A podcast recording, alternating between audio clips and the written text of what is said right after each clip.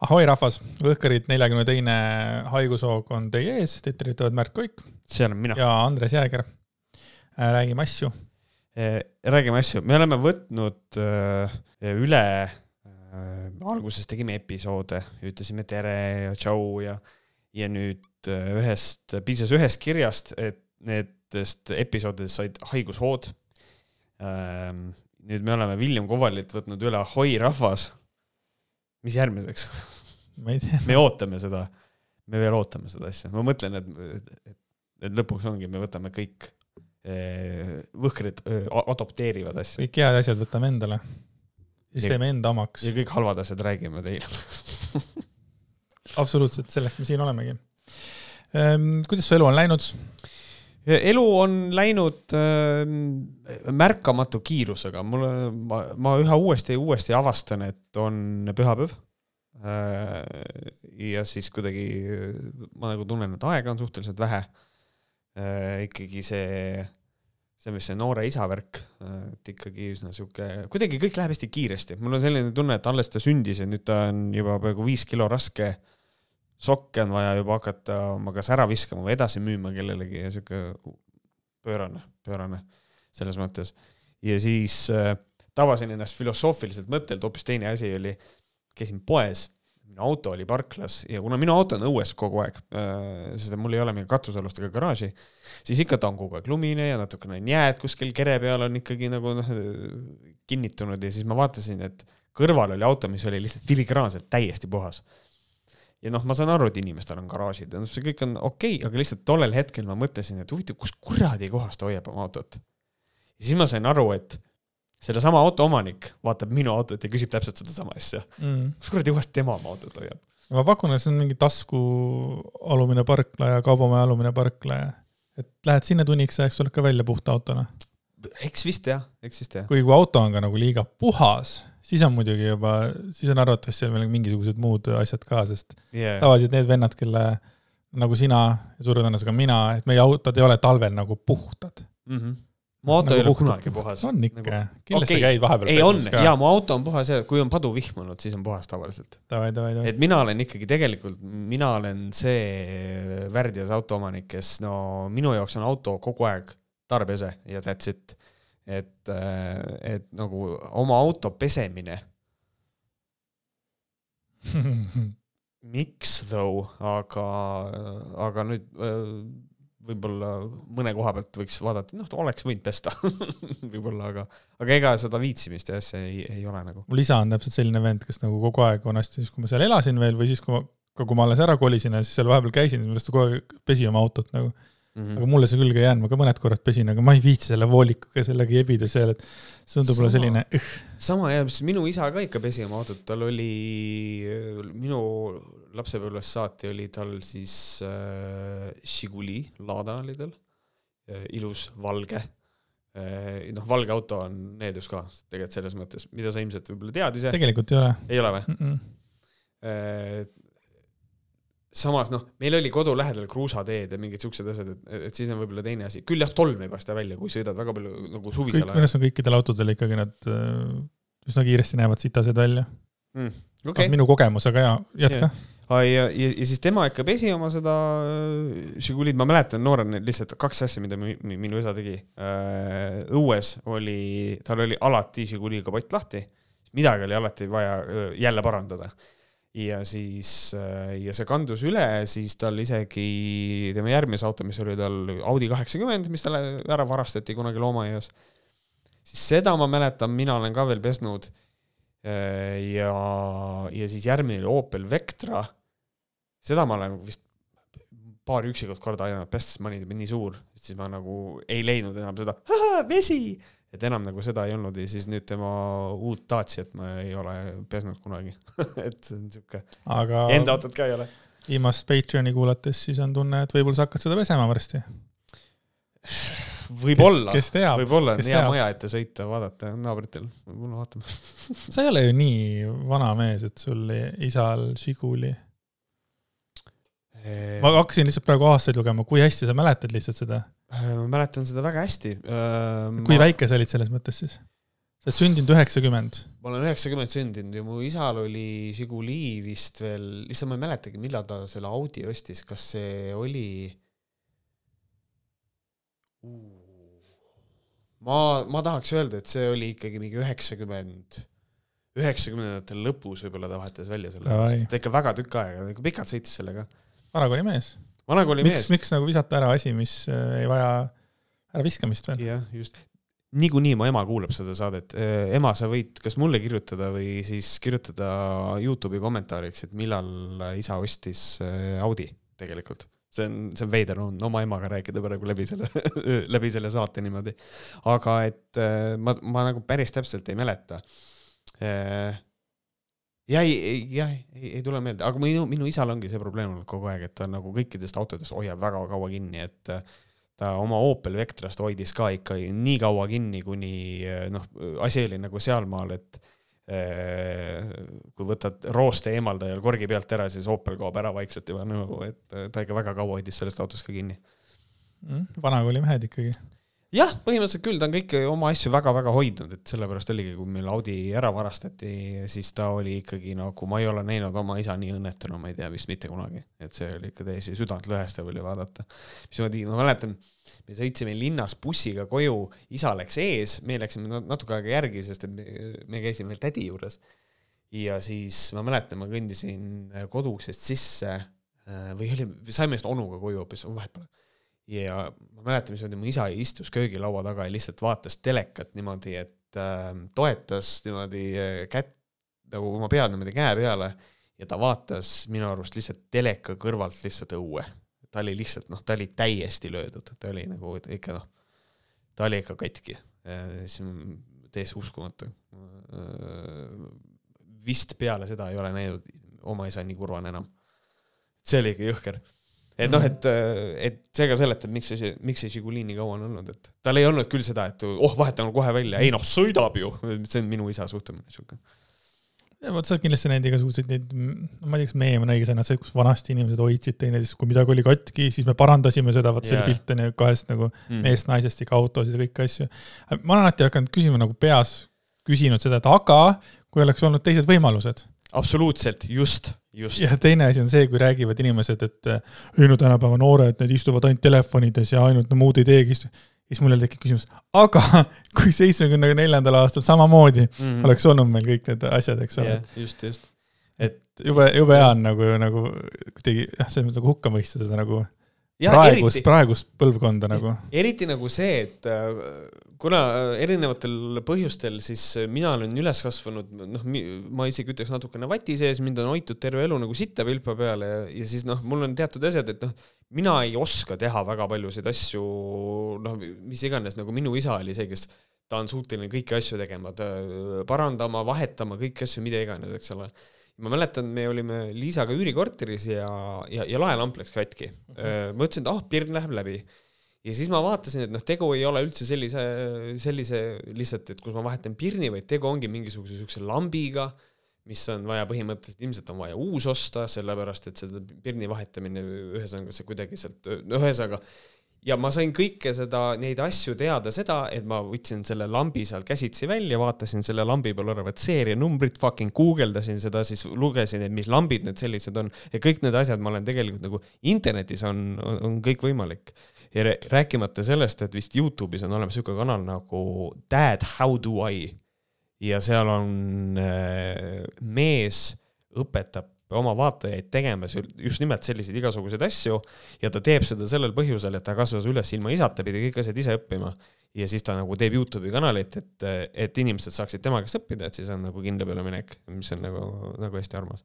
et ma mäletan, mingisugune paneelvestlus oli, kus oli ka äh, Vooglaid oli kohal ja siis mingisugune hästi loll mees rääkis seda, et no tänapäeva noored ei oska midagi teha ja siis Urmas Vaino, kes oli mode, küsis ta käest, et no jaa, aga tänapäeval saab ju Youtube'ist ja kõiki õpetusvideosid vaadata ja siis see mees ütles, ei no e-, ega ikka ei ole küll nii ja siis mõtled, aga on küll nagu reaalselt, ma olen väga paljusid asju õppinud internetist, kuidas plaatimistöid teha, vaatasin seda internetist, tegin selle järgi. hakkama kõigega? ma sain kõigega hakkama, et, et, et selles mõttes ähm, kõike saab internetis õppida tegelikult.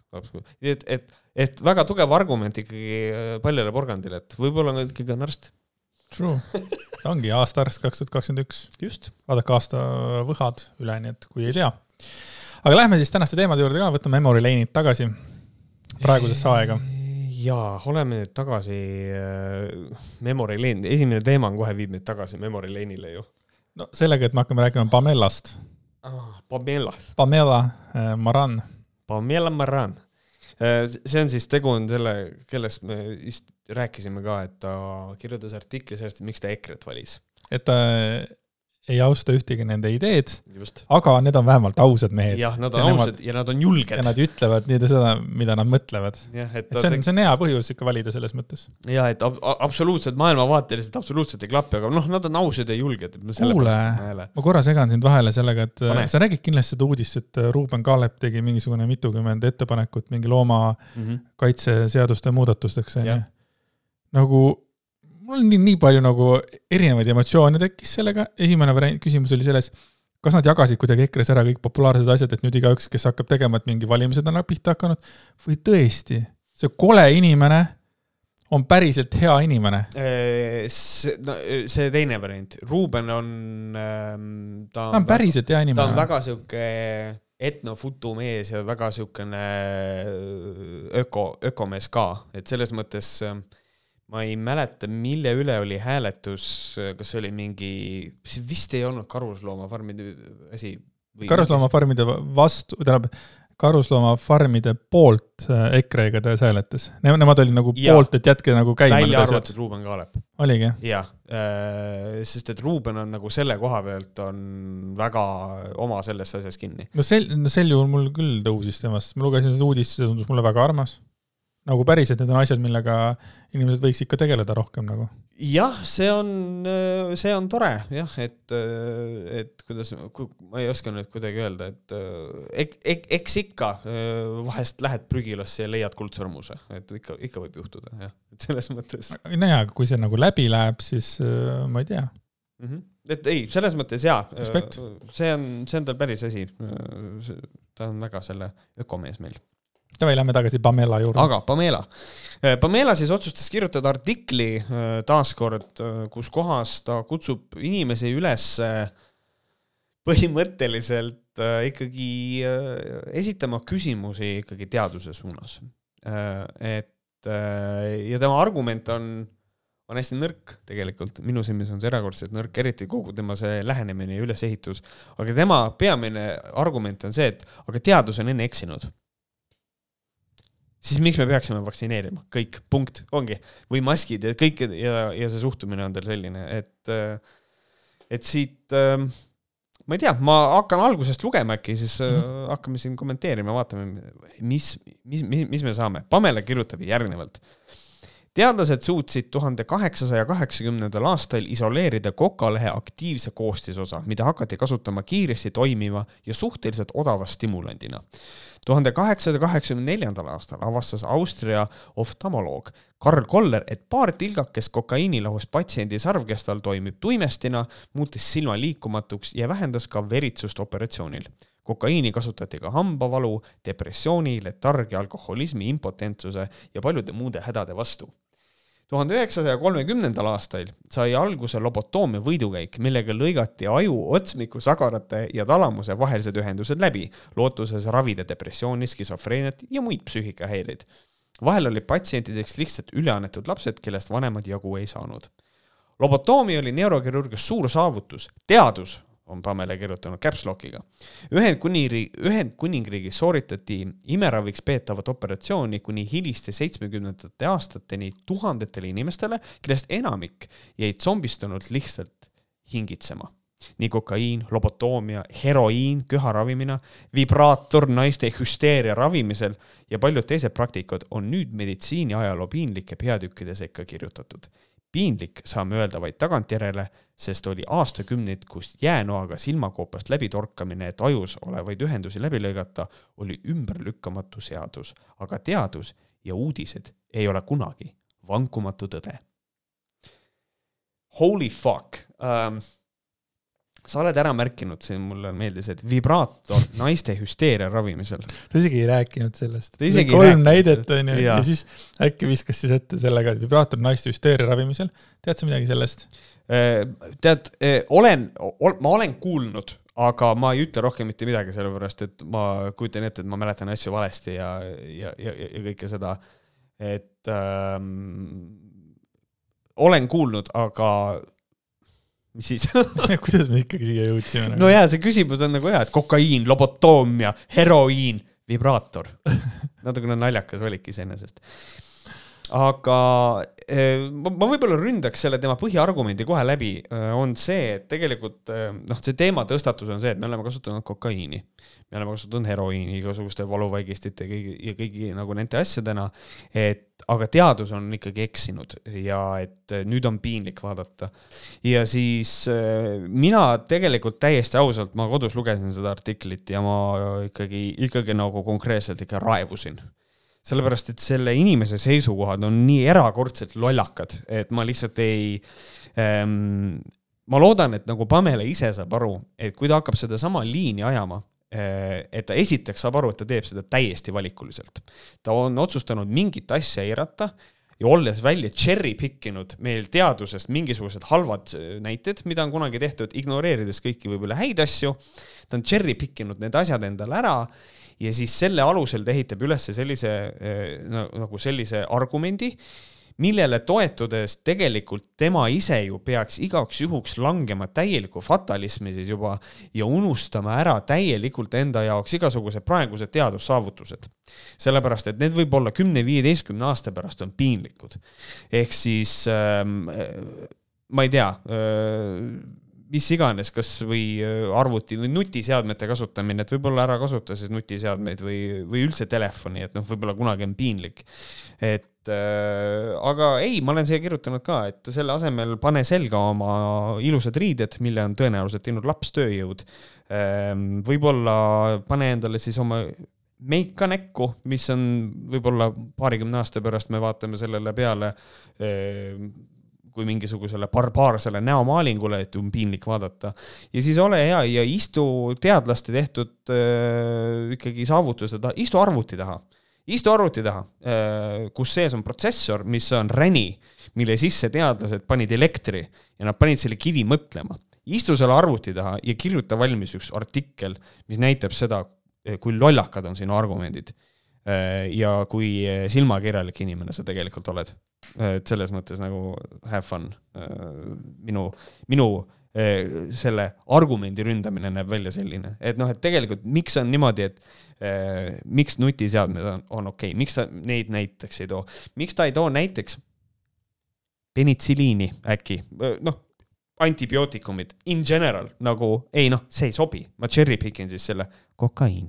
Et otse loomulikult meil on morfiini ka kasutada, ta vist unustas selle ära et meil on äh,, absoluutselt on tehtud selliseid asju, aga praegusel hetkel vaadata peale, vaktsiinid on viinud nakatumist alla, aitab vähem inimestel nakatuda või hoiab inimest nagu tõsisemast haigusest. ma ei tea, ei tea, kui tahad, aga selles mõttes, kui tahad kahelda, siis kahtle, have fun. Äh, ja siis äh, lähme siit edasi.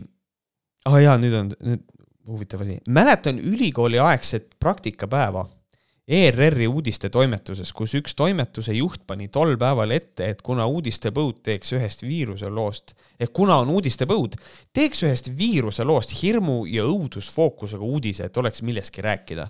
sellest on nüüd aastaid möödas, aga midagi pole muutunud. ja tahaks, et Pamela ilusti kirjutaks välja, kes oli see ERR-i uudistetoimetuse siis juht mm, -hmm. kes nagu siis sellist asja tegi, see on päris äh, noh, ühtepidi tugev süüdistus, aga ka huvitav süüdistus, ma ei tea, kas see on tugev süüdistus, sest mul on tunne, et ikkagi uudised niimoodi natukene toimivadki. et, et keeratakse nagu noh, selline nurk nagu noh, see nurk, nagu sa tahad ikkagi keeratakse Natuk, ju peale. natukene siuksem, kuidas ma ütlen, silmi pilku püüdma võib-olla küll jah. et no, plus, muidugi ERR-i saab selles vist kõige vähem süüdistada, aga, aga jah ja, aga aru. ma mõtlen selle peale, et mul äkki Pamela ei saa lihtsalt asjadest aru et tema nägi äh, seda asja niimoodi, et viiruse loost tehakse hirmu ja õudusfookusega uudis. sellepärast, et tema, noh, sest tema tunnet-, tema tunnetab aga sinna me jõuame ka hiljem nagu, et, et see, see, see tundub mulle, et see oleks nagu, ma tahaks teada, kes see siis oli ja mis uudis see oli, see oleks, see oleks nagu palju parem näide nagu, nagu, siis näita nagu ka mingi päris näide siis sellele. jah, ja kas see toimetuse juht ütles just nimelt seda, et kuulge, meil on uudistepõud, teeks mm -hmm. ühe hirmujõudlusfookusega loo või oli, või oligi, ta ütles midagi sellist, et kuulge, et pange sellele, tooge pealkirjas nagu see natukene välja, et siis see nagu võib-olla on rohkem nagu tõstab meil engagement'i, mida iganes ja siis Pamela tõlgendas seda niimoodi, et ahah, nad tahavad teha seda õuduse lugu. ja siis ta, et sellest on aastaid möödas, aga midagi pole muutunud ma noh, ju siis Pamela teab, et ei ole muutunud mm, -hmm. ütleme nii. Ja nüüd äh, nagu ühes halvas kirjandis ikka äh, on järgmine lõik on selline. Descartes on öelnud, et kahtlus on tarkuse algus. kuni me ei kahtle, kas see, mida me teame, on täielikult õige, võime pikalt pimeduses kõndida. ja nüüd, äh, Andreas, ma olen väga uhke sulle mis sa ütled selle peale? Äh, lihtsalt huvi pärast, miks ei või kahelda Descartesi öeldus, kuna Descartes ütles seda tuhande kuuesajandates. Just. et, Pamela. jep, et kui me nagu tead, et miks on niimoodi, et me nagu mõtlejates ei või kahelda äh, aga teaduses võime, et võib-olla see, mida Descartes ütleb, on ka nagu ikkagi tagantjärgi võib-olla piinlik, miks sa seda usaldad, võib-olla praegu ei ole, võib-olla kümne aasta pärast on. You don't know these things. kõige parem viis talitada on talitada praeguses hetkes, praeguse olema, olemasoleva info baasil nii hästi kui võimalik. mitte nagu see, kurat, ma ei tea, ma ei julge praegu paratsetamooli võtta, võib-olla kümne aasta pärast tuleb välja, paratsetamool ei ole nii hea. aga kui sul praegu ei ole mitte midagi muud võtta kui paratsetamooli peavalu vastu, äkki võtad paratsetamooli, noh mm -hmm.. ma ei tea, see on natukene naljakas.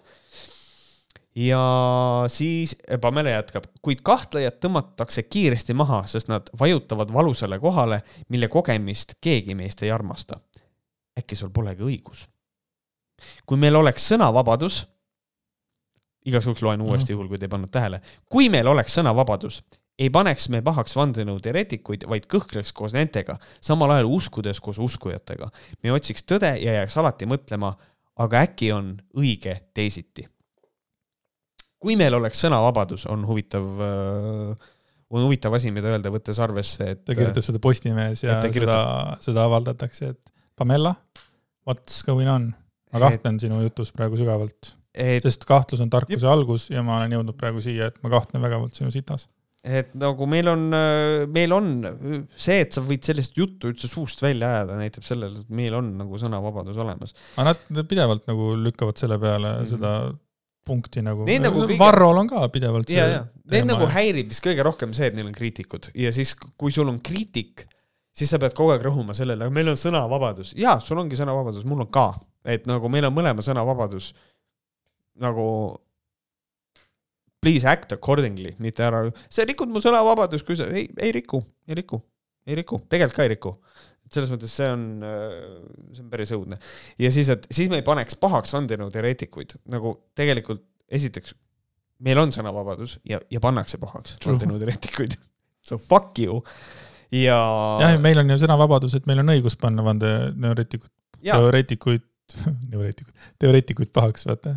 Ja rääkimata sellest, et meil saavad olla üldse vandenõuteoreetikud ka, et see on viide sõnavabadusele minu True. jaoks ja vaid kõhkleks koos nendega, samal ajal uskudes koos uskujatega. ei ole võimalik ühes asjas us-, ühte asja uskuda ja kahelda selles.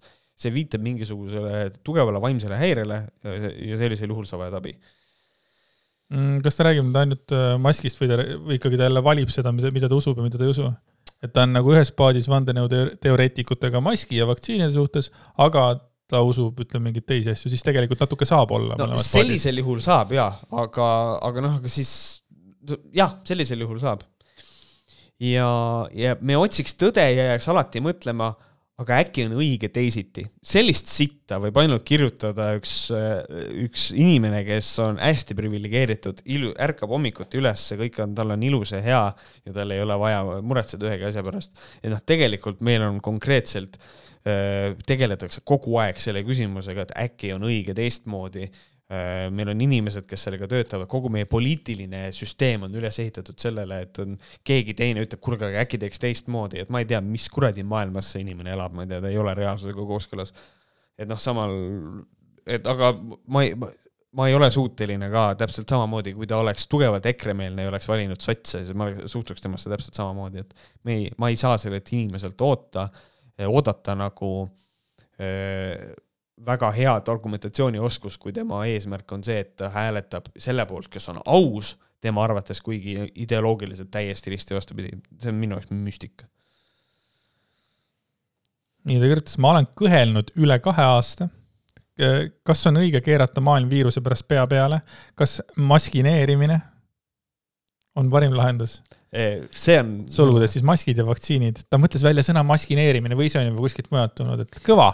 ma ei tea, kui see on Pamela enda väljamõeldis, siis äh, see on see koht, kus, kus me kiidame, see maskineerimine. maskineerimine on kõva, selle võiks võtta küll kasutusele, et tubli Pamela. et see on väga hea ja siin noh, muidugi see, et ta on kõhelnud üle kahe aasta, kas on õige maailm viiruse pärast pea peale keerata, ma ei tea, noh, pea peale keeras, pea peale keela, keeras just nimelt see viirus tegelikult maailma. aga kas see on parim lahendus? Tahaks Pamela lahendusi ka, jään ootama artiklit, kus ta nendest tegelikult päriselt ka räägiks, et kuidas siis oleks parem, kuidas võiks paremini teha. no tagantjärgi on väga hea. absoluutselt, tagantjärgi. ma võiks ka tagantjärgi teada täpselt, mis teha oleks võinud. aga kirjutada Postimehele sitsida, et ma ei tea, kas see on kõige targem ja pakkuda mitte ühtegi lahendust, on nõrk. Fuck you, siukene tunne tuleb peale lihtsalt, et see on nagu, see on nagu nõme lollakas. ja ta jätkab ma lähen närvi. ära mine. mine usu... jah, tegelikult, lase oma tunded valla. ma ei usu pimesi paanikat ega ka vandenõusid, ma jälgin, tunnetan. selge. väga hea. ei, see on, see on aus. see on aus, et teaduses võib kahelda, aga -hmm. aga Pamela äh, tunnetamine on täpsem ja parem. ma usun küll, jah. ja, ja tegelikult. piinlik tegelikult... ei ole see hiljem. jah, see ei ole piinlik et noh, ma tunnetan, et see läheb nii, et ähm, tegelikult ja siin on Pamelale tegelikult ka mõtteaineks see, et noh, tegelikult mina äh, teadust ka ei usalda ju pimesi äh,. ma ka tunnetan. põhimõtteliselt tegelikult me tunnetame ja jälgime kõiki. jah, me tunnetame, me jälgime, me usume koos uskujatega. ja kuidas üldse pimesi paanikat mitte uskuda? ma ei usu paanikat, nagu kuidas sa ei usu paanikat, paanika on nagu olemas selles mõttes, et nagu paanika kui selline asi on ju olemas, ma ei usu paanikat. et noh, ma ei tunne paanikat näiteks äkki. ma ei usu okay. paanikat muidugi, ma ei usu paanikat. paanika. see on täitsa reaalne asi. paanika külvajaid võiks olla siis, mitte paanikat. ma ei usu pimesi paanika külvajaid ega ka vandenõusid, aga ja. mul on tunne, et ta usub mina tunnetan praegu ja jälgin seda artiklit ja mina nagu tunnetan, et ta usub tegelikult äh, vandenõusid ja paanikakülvajaid ja ta läheb järjest rohkem nagu äh, siis nagu sinna teise nurka ära mm. -hmm. vist küll, jah. jah olen kaotanud lähedasi nii pärast vaktsineerimist kui ka Covidi enda tõttu ning kõhklen igas uskumuses edasi ähm,. ma tahaks lihtsalt rõhutada seda lauseehitust. ma olen kaotanud lähedasi nii pärast vaktsineerimist kui ka Covidi enda tõttu. ehk siis tal nagu nii palju seda doesn't have the guts, et öelda, et vaktsineerimise tõttu, aga et on kaotanud lähedasi pärast vaktsineerimist. et ta on igaks juhuks jätnud sinna vist selle sisse, et noh, ma ei taha päris vaktsiine süüdistada, eks ole. aga Covidi tõttu olen. et see on minu jaoks nagu huvitav väikene mm -hmm. nüansike selle lauseehituses Eh, minu kodulinna pea sai kolm süsti, see lauseehitus on tore, kodulinna pea. armas tegelikult. Eh, mu kodulinna pea sai kolm süsti. Eh, haigestus Covidisse, paranes ja haigestus uuesti, kolme süstiga kaks korda haigeks. Outlier, davai, mis siis? ei no ongi, üks inimene siis ta nüüd ei usu ja ei tunneta. nii ma kõhklen edasi, kas see, mida me oleme teinud viimased aastad, kuulub saja aasta pärast taas ühte piinlikku perioodi, millele perspektiivist mõeldakse, no olid ikka lollid. kusjuures mina olen kindel, et jaa on.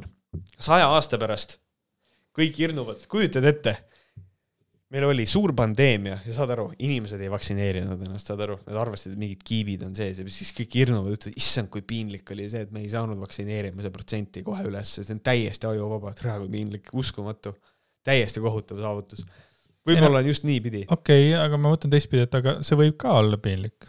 nagu selles mõttes, Pamelal võib ju õigus olla, et noh, see võibki olla tulevikus piinlik. no ja läheme edasi sellega. ma ei tea, mis, mis mehhanismiga see võib piinlikuks osutuda. Võtame siis, võtame siis, tuleme Pamelale vastu, ütleme niimoodi, et äh, ma ei tea küll, kuidas juhtuda saab, aga hüpoteetiliselt, et nüüd äh, siis kümne, kümne aasta pärast tuleb välja, et see vaktsiin on kuidagi äh, purustanud meil mingisuguse geeni, hävitanud ja siis meil tekib mingi geeniviga sisse, ütleme, et on niisugune asi.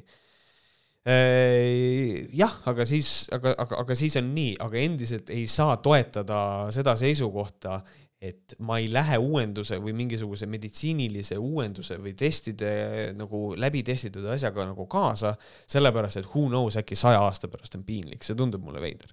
ja siis järgmine küsimus on see, et kes mõtlevad selle peale, et no on lollid mm. -hmm. Nad ju mõlemad, ühed mõtlevad küll tegid hästi, teised valesti, et no ma, ma ei usu, et see on, kõik on nüüd, ajalugu kunagi kõik ei saa asjast ju ühtemoodi aru ju, kasvõi mm -hmm. vaatame, ma ei tea, Venemaa kirjutatud ajalugu ja ja, ja tegelikku ajalugu, kasvõi seda, et noh jah, see, see, just, ka tegelikult. just, et noh, ja, ja endiselt on vaja nagu ikkagi arvestada sellega ka, et see võib hästi koledasti kõlada, et nojah, et aga mõtle, aga kui ongi niimoodi, et meil tekib mingi geeniviga saja aasta pärast, siis, siis eh, tahaks selle koha peal ikkagi meelde tuletada seda, et Pamela on tugevalt oma näiteid cherry pick inud, et tegelikult meil on teaduses on saavutusi, valdav enamus neist on tegelikult eh, olnud positiivsed ja nendega mingisugused negatiivsed asjad, mis on äh, kaasnenud, näiteks peaasjalikult on äh, kuidagi inimene on selles ise süüdi.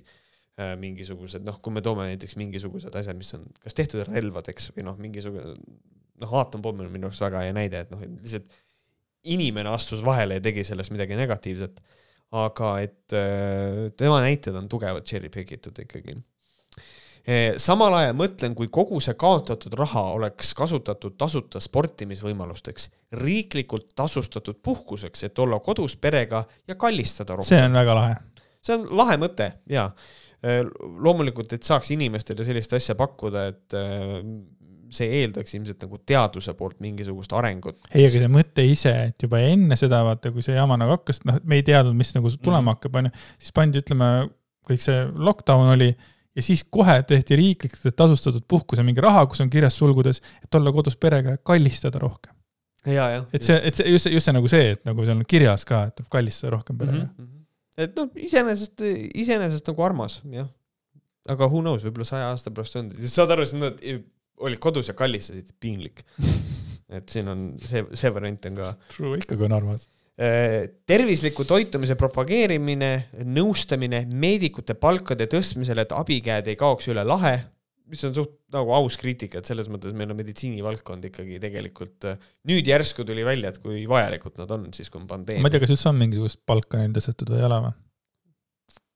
selles mõttes, et ma ei, ma ei, ma ei, ma ei, ma ei tea, oleneb äkki kus siis või? ma ei mäleta, vist on, aga, aga, aga ei, mul, mul, mul praegu ei koida, mingi asi koidab nagu ole, et nagu oleks. mis oleks siis saanud, kui me oleksime kokku hoidnud ja tervist toetanud kedagi diskrimineerimata? võib-olla poleks seegi aidanud, aga vähemalt ma julgesin, julgesin kahelda või kõhelda, kõhelda, kõhelda, kõh-, okei okay.. et. kõhklema, kõh-, kõhkelda ikka, ikka kõhelda vist. äkki, äkki on kõhelda, ma ei, ma ei, ma ei tea. Ühesõnaga, aga vähemalt ta julges kõhelda. Äh, võib-olla poleks seegi aidanud, väga lahe viis iseendale vesi peale tõmmata, naljakas. Äh, aga vähemalt ma julgesin kõhelda ja siis mina olen teinud siia märkuse, et tegelikult ta mitte ei julgenud kõhelda, aga ta julges valikuliselt cherry pick ida endale sobivad näited ja näidata, et ta kahtleb asjades äh, siis, kui see on talle mugav. ja siis ma olen kirjutanud, et ta on, et, et ta on mugav ja ta tegeleb minu arust krihtimisega, ehk siis ta lihtsalt kogub populaarsust praegu sealt, kus on hea populaarsus koguda. Äh, kõigile siis teadaandeks ka, kui praegu tunnete, et täna vabakapitali kõige targem asi üldse, mida teha, on praegusel hetkel osta Venemaalt või Hiinast endale hulgi mingeid kristalli ja siis neid hakata müüma Eestis. ma kujutan ette, et päris normaalselt võib kasumit teenida. kuule, aga kuus tuhat sai ületatud siin nüüd.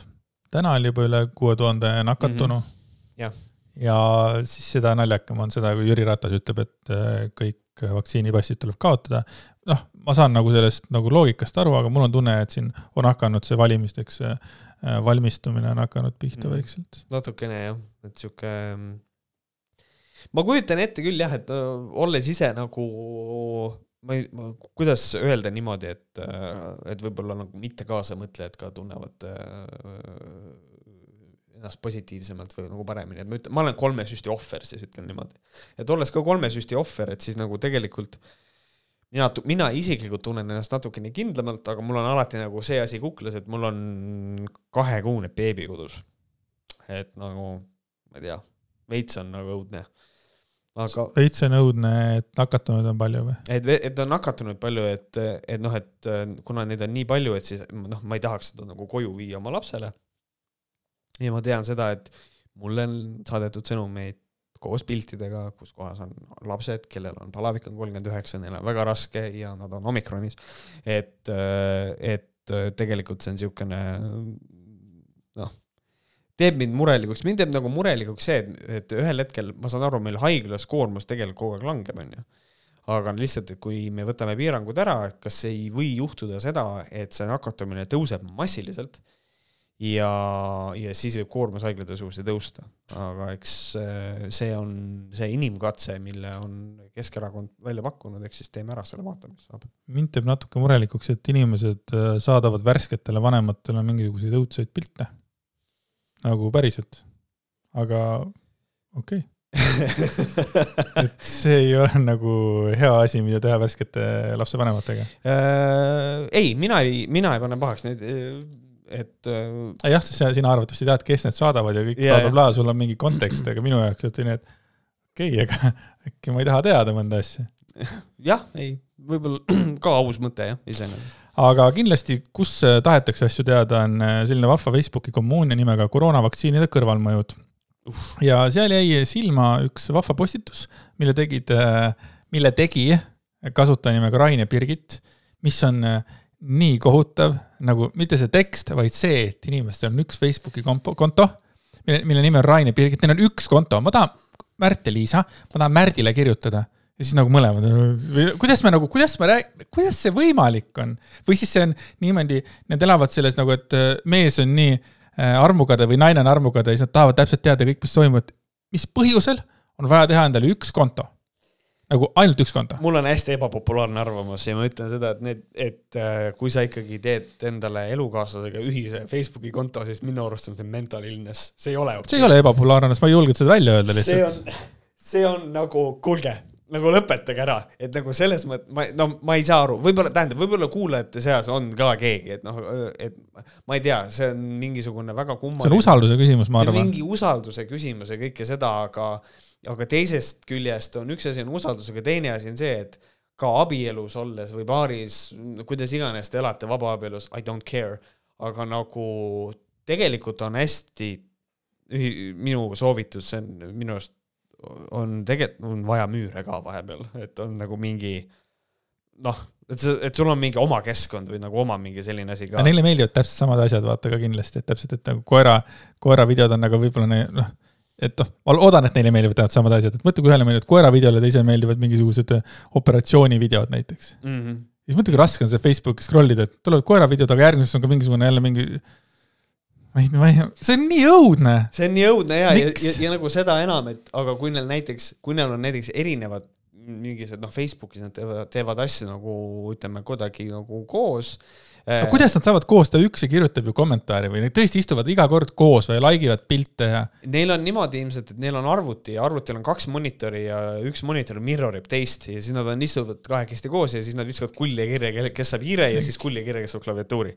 et võib-olla on, on see asi niimoodi, et, et ja, ja et noh, jah, tähendab selles mõttes äh, ma olen täiesti aus, et äh, nüüd, kus me räägime nüüd äh, selles postituses koroonavaktsiinide kõrvalmõjudes, siis minu selge ja tugev seisukoht on see, et ma arvan, et see postitus ja et need kommentaarid, et tegelikult need ei ole reaalsusega kooskõlas, need on kas välja mõeldud või keegi push ib mingit oma asja seal.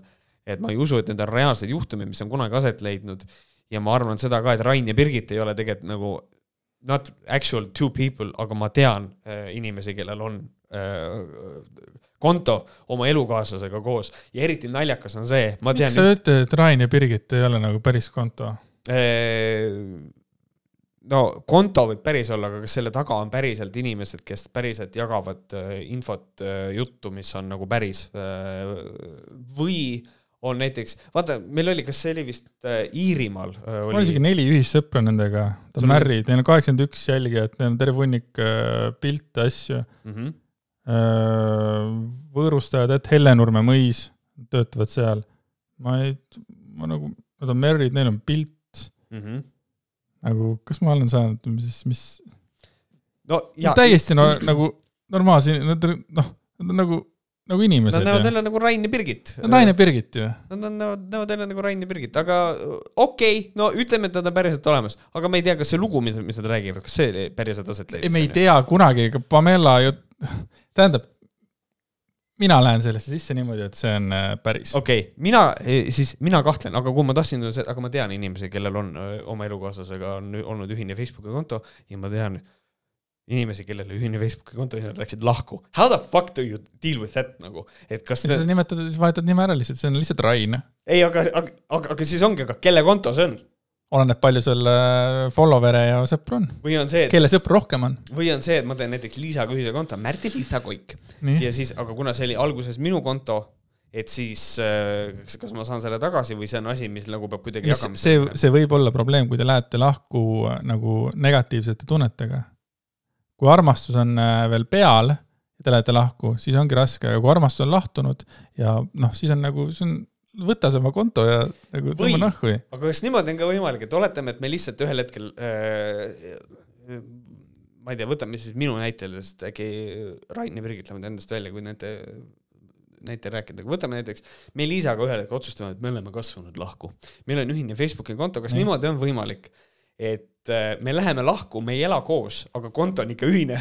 ikka on jah. ja siis käime aeg-ajalt, jagame konto ära, vaata nagu äh,, nagu, nagu lapse hooldusõigus yeah., et pühapäeviti on, on konto sinu käes. nädalavahetusel on sinu käes ja nädala sees on. ja, ja okei okay., see on, see tegelikult, ma, aga ma ütlen ausalt, see on fenomen, mis äh, mulle on siiamaani, minu jaoks mõistetamatu, on ühine Facebooki konto ma ei, ma ei ole suuteline sellest aru saama. ei, see ei olegi reaalne. ja mul on hea meel, et me share ime seda nagu, sest et ma nagu I, I think it's, I think it's insane. jah, see on umbes sama insane nagu see, kus vaata, mäletad, kui kaks tüüpi vägistasid äh, blondi munga pudeliga äh, kolmanda tüübi ja mingil põhjusel oli ühel tüübil kogu aeg ühe tüdruku telefon käes. jah, jah, see on see on sama ebareaalne. ja ta lasi helistada inimesele, öelda, kuule, maksa võlg ära We are missing some critical info. aga jah. nii, aga nüüd. mida Rain ja Birgit kirjutavad? nüüd me räägime päris loost sure.. Rain ja Birgit. ja, ja ei, muidugi jah, see päris ja. oleme ise süstimata, aga kui oleme koos süstitud inimestega, siis mõned tunnid hiljem tekivad haigustunnused. näiteks ühelt koosolekult äh, tulles hakkas ninast lihtsalt tatt voolama ma ei tea, miks sa naerad, teil on halb olla, Andres mida me vaatame? tatt voolama on..., silmad kipitama ja tõusis kerge palavik ja nii pidevalt. on veel keegi sama asja kogenud? et ühesõnaga ma ei tea, miks see nii naljakas on. Andres, neil on halb, nad on, neil on koosolek ja neil silmad kipitavad ja sa naerad, see on õudne. räägime sellest, et tatt voolab. minule meeldis see, et nad tulid ühelt koosolekult siis järgmine lause on ja nii pidevalt tuleme ühelt koosolekult miks sa ei kirjuta lihtsalt, et iga kord, kui me koosolekutelt tuleme, meil hakkavad, hakkab tatt voolama, silmad kipitama ja, ja, ja tõusis kerge palavik. Et mis mõttes koosolek, aga seal on nagu profülaktika mõttes oli kraadiklaas ka nagu kaasas. Et saavad mõõta, kas on et.... kerge palavik tõusis. kerge palavik tõusis.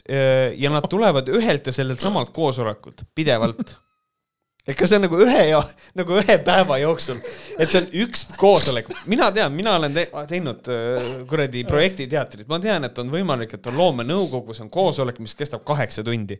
ma tean seda. kas neil, kas on võimalik, et neil oli kaheksa tundi, oli koosolek ja neil hakkas lihtsalt tatti pritsima ninast nagu pff, niimoodi välja? Ja silmad nii õudselt kipitasid, et nad käisid kaheksa tunni jooksul kakskümmend korda ruumist väljast. Ja sest, et siis ma saan aru, et noh, mul pidevalt selle ühe koosoleku jooksul oli see tunne, et, et nagu, kas keegi on sama kogenud ühesõnaga, see on sihuke huvitav, aga noh, küsim-, küsimuse püstitus on nagu hea. ja keegi aru. sellest ei räägi, mõtlesime, et tõstatame teema, kui ei sobi siia gruppi, võib kustutada meie postituse, aitäh palun, ühesõnaga, esiteks, kuidas on võimalik, et te tulete ühelt koosolekult pidevalt? Äh, need on erinevad koosolekud või neil, ma ei tea, ühesõnaga, aga. ma küll ninast lihtsalt tattu olema. huvitav, kui kiiresti see on, et see on nagu nii, täna siis äh, vaatame üle majandusaasta aruande ja siis lihtsalt pum, paneb järsku ninast. lihtsalt äh, Rain, Rain, Rain, vabandust ähm,, kas sa tahad lihtsalt? ei, neil on mõlemal sama asi, vaata. vot ei, neil ei saa, vaata neil on ühine Facebooki konto, siis on ka, nad istuvad ilmselt ka ühe tooli peal ja siis on see, et ülemus, Rain ja Birgit, Rain ja Birgit. ma näen, teil on loik all, kas te tahate mingit taskurätti? aga ühesõnaga, tegelikult hea küll, võtame nüüd selle nali naljaks, kusi kaljaks, nagu Noino ütleb ja nüüd räägime asjast ma näen, et sul silmad kipitavad ja tatt voolab, on, me oleme mõlemad vaktsineeritud. aga ühesõnaga, et tegelikult aga probleem ütleme, on päris, ütleme, et see on päris probleem, et neil ongi selline see on mure. miks sa ei usu seda, sinna alla vastab Kertu Luiss, kes on ju vana hea see äh, Võru äh, küüntemeikija ju see vana hea Võru. manik, maniküür ja Manik... kellest me oleme rääkinud korduvalt tegelikult ja kelle me kunagi siin sassi ühe teise inimesega isegi. kas, kas see on see, kes on veits psycho või? jaa, ta on täiesti segane. okei okay,, selge. ta on täiesti segane, noh nii, aga mine oma selle hüpoteesiga edasi, sul oli see, et aga kui. nii, aga ühesõnaga, me oleme väga kaua siin kinni olnud, palun vabandust.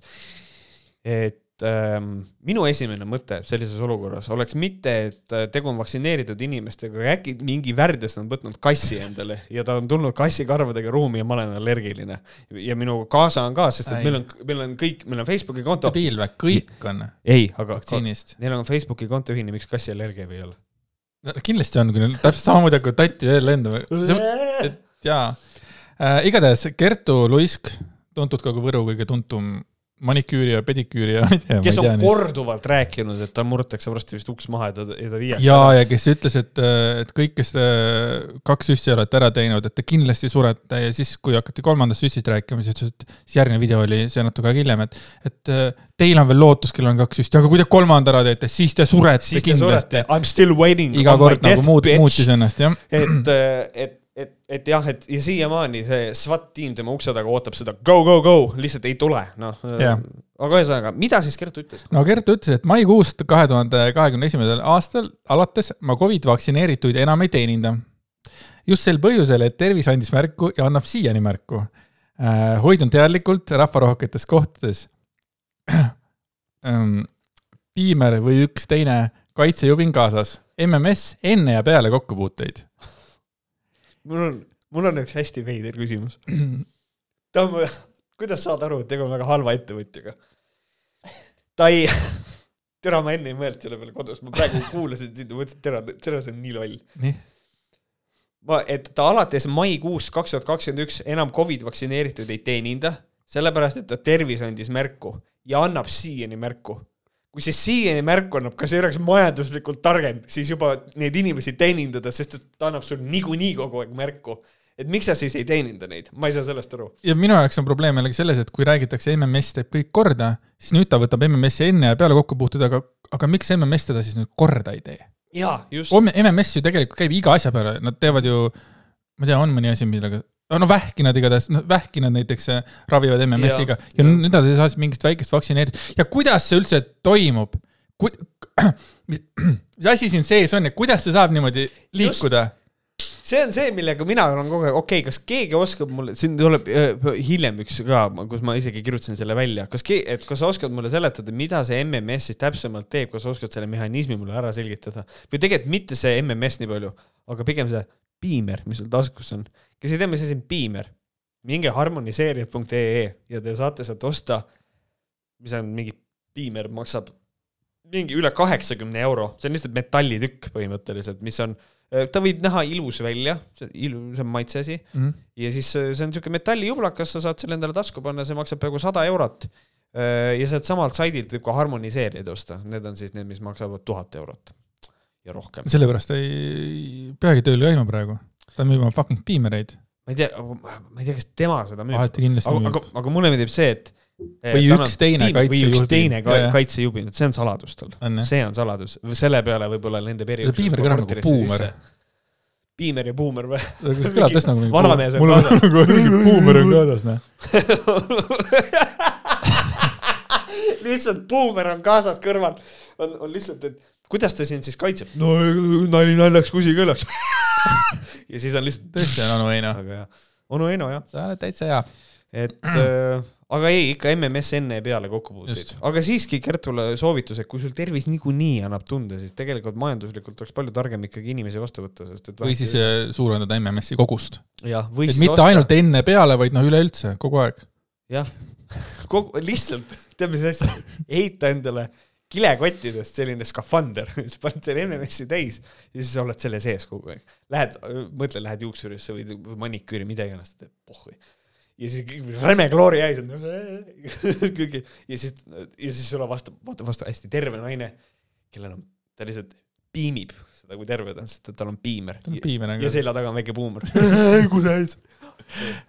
ja ma jälle suunan teid eh, juba mitmes kord eh, Märt Koigi Youtube'i kanalile palun minge otsige see, minge otsige see äh, MMS-i video ülesse. Märt joob tund aega kloori, peaaegu tund aega. see on uskumatu video ja seal esimest korda te kuulete sellisest inimesest nagu Meeli Lepson näiteks. ja noh, Märt oli omast ajast ees mm. -hmm. et see on täiega super video, palun minge yep.. nii, omakorda kommenteeris ka selline vahva inimene nimega Riina Kinsel-Kangro. issand, mis ta ütles? Ta ütles, kusjuures minul tekivad hirmsad migreenid, kui viibin koos vaksitud inimestega. ja mida värskemalt vaksitud, seda tugevam migreen. kas ta küsib seda kohe inimese käest või? ja kus see nagu piir läheb või see, või, või, või see ongi niimoodi. Nii, kas sa oled vaktsineeritud? jaa. kohe. et võib-olla, võib-olla ta ei tohiks küsida neid asju. äkki tal on, ei, aga äkki tal ongi migreen ja ta arvab, et kõik on vaksitud lihtsalt kogu aeg. ja ei, abi, issand, kui õudne. põeb päriselt migreeni ja siis ta on lihtsalt, sa oled vaktsineeritud? jaa. järelikult see ongi et see on see korrelatsioon, et korrelatsiooni ei ole tagajärge, et mm -hmm. see on huvitav. see variant on ja lisaks veel kummalised valud naiste osakonnas ja kaasneb ka veritsust. Kuid äh, neid toomomente enam olema, tähendab neid olema ei peaks. ühesõnaga ta viitab, et tal tuleb sealt verd. tal on valud naiste osakonnas naisteosakond, jah mitte lasteosakonnas ega kuskil operatsiooniosakonnas. naisteosakonnas, et, et, et see on huvitav, et nad on nagu mingite kohtade pealt nagu nii äh, noh, niimoodi noh, saate aru küll, millest ma räägin, niisugune suhtumine, see on natuke naljakas minu jaoks. et öelgu, öelgu lihtsalt ja mul on vitt valus tegelikult ka. see oleks, aga see oleks, mis oleks veel parem. ja kaasneb veritsust. ei, ei lihtsalt küsib, vabandust, kas te olete vaktsineeritud ja, ja siis hoiab kubemes kinni, nii valus on I m bleeding. et ta ütleb, et tal on veritsus, äh, kuigi ei peaks siis olema tol hetkel nagu, nagu, nagu päevi ja siis tekib minul üks hästi lihtne küsimus, okei okay,, sul tuleb veritsus mis asi see veritseb, millest see tekib, et mis sul siis nende vaktsineeritud inimeste juuresolekul juhtub selles kohas nende kudedega? oskad sa mulle seda seletada, sest et see ei ole niimoodi, et sul on magically lihtsalt veri tuleb välja, see asi ei käi nii. tekivad haavandid, millest need haavandid tekivad? ma ei tea, ühesõnaga see on siuke lahe lugu. tema naiste osakonnas algul ei seostanud, aga siis tegin omaks suviks katset.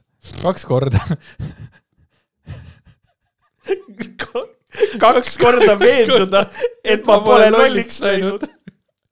jah, iga kord, kui olen sunnitud olema sellises kohas, kus palju ja, ja värskelt maksitud inimesi. kus kohas sa leiad selle? tere, paned otsikusse, paned Facebooki, otsin värskelt maksitud inimesi, et läbi viia test, kas ma olen lolliks läinud. siis tean, et järgmine päev ei tule voodist välja kuna mind piinab julm migreen. ma tegelikult mõtlen ausalt, ma kahtlustan seda, et ta lihtsalt saab nende inimestega kokku ja hakkab rämedalt jooma ja siis ta joob ennast jumala vittu ära siis ta kukub täis peaga endast kuskile otsa, siis ta jookseb verd. siis ta läheb koju, siis ta ärkab ilge pohmakaga ülesse, siis ta on täiesti veendunud, mul tekib migreen vaktsineeritutest. aga see oleks jumala huvitav, ta hakkab välja, et ta on alkohoolik lihtsalt ei saa. ta lihtsalt joob ja ta pea valutab kogu aeg ta lihtsalt kogu aeg jumala kännis. ja siis räägib, tema, see peab olema vaktsiin.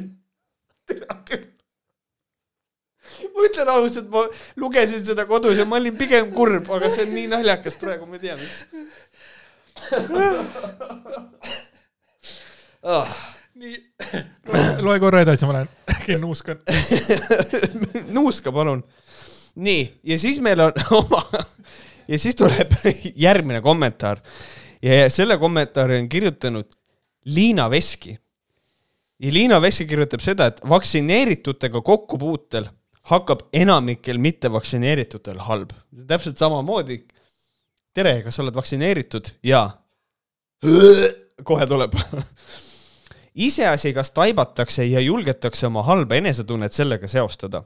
See on nagu selle koha peal nagu tõsine mõte ka, et see on tegelikult üsna õudne, et kui kellelgi on mingisugune tervisehäda, siis see esimene go-to on kohe arvata nagu või öö, seostada. kas oli vaksitud? jah, kurat, saad aru, ma läksin täna õue, läksin lapsega jalutama ja koperdasin ja, aga samal ajal üks mees läks kõrvalt mööda, vist oli vaktsineeritud, noh, umbes niisugune jutt. mina tean näiteks kahte inimest, kes tunnevad vaktsineerituga üle viieteistkümne minuti lähestikku vesteldes raskust rinnus. nagu astuks elevant rinnale. ta teab, kuidas astub äh, elevant rinnale, mis tunne see on. Tiina Veski teab ma saan seda. aru, ta ilmselt, ma loodan, et ta paneb juurde või ongi nagu see, et rahulikult inimesed i- tänaval vestlevad ja, ja siis me käisime poes ja vaatasin, et poes oli tead müügil see uus Coca-Cola.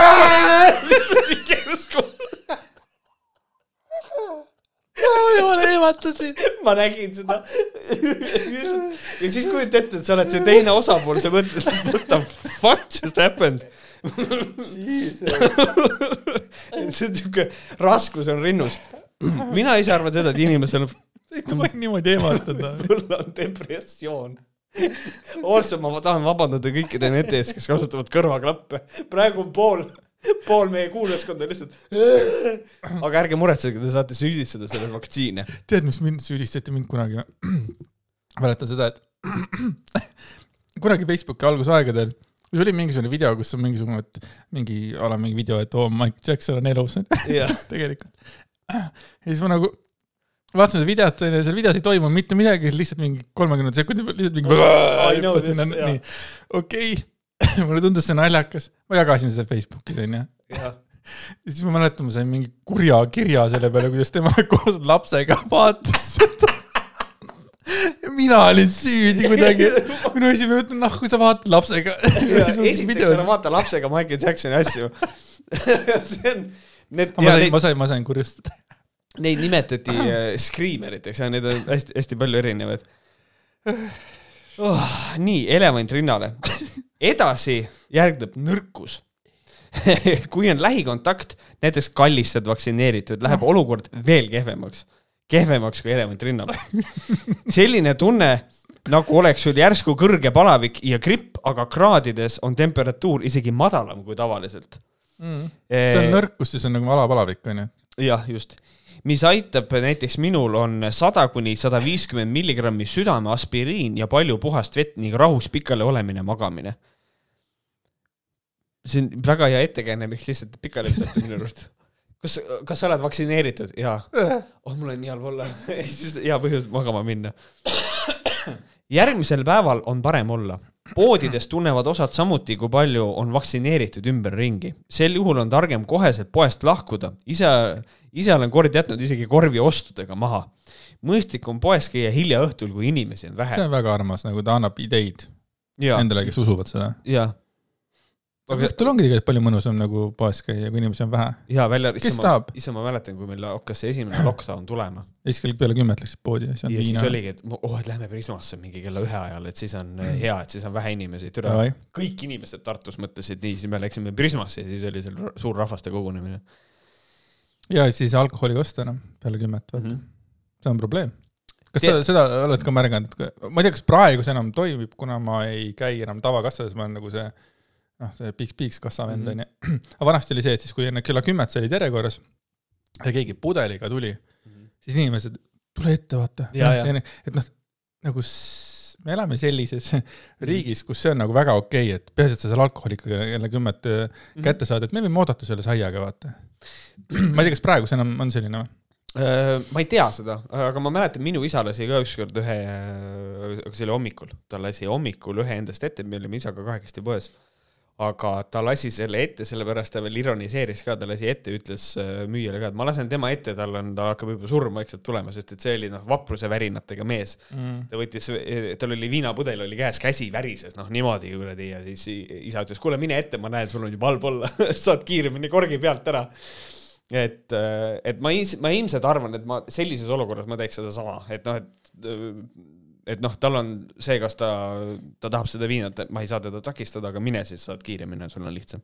kummas, sa räägid praegu enda situatsioonist või sellest, et keegi on et kolm laseks... inimest tagapool, kell on üheksa, viiskümmend kaheksa ja siis, et kas saab see vend oma viinaga sealt läbi või ei saa? aa, sellest ma ei hooli, tule varem poodi.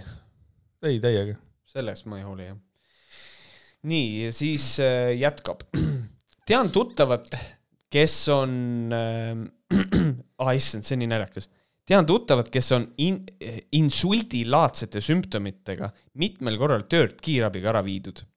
kõik tema kolleegid on süstitud. samuti sattus ta haiglasse perepuhkusel, tema pere on enamikus vaktsineeritud. tean meest, kel-, ma, ma lihtsalt ütlen, äkki inimesel oligi insult, et nagu selles mõttes võib-olla tal oli päriselt halb olla. hea, aga ta oli vaksitas. enne ei olnud insulti. enne ei olnud, ei no temal ei olnud, vaata, kõik tema ümber on vaktsineeritud tema, tean meest, kellel pärast vahekorda oli pool jalga justkui halvatud. tead, mul on ka olnud selliseid seksuaalvahekordi, kus mul on pärast pool jalga halvatud. see oli mingis imelikus poosis, jah? või see oli talv või? noh. või mis jalast me räägime? lihtsalt väga hea oli.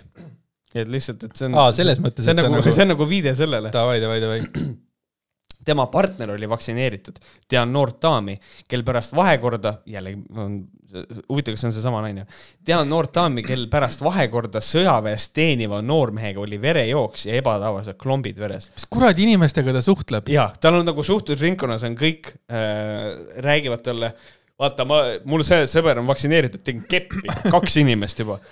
Äh, et see on nagu huvitav ja teine asi, et et võib-olla sellel asi ei ole nagu see, et noormees oli vaktsineeritud, äkki oli seal nagu midagi muud, lõid seal verd vahtu, ma ei tea.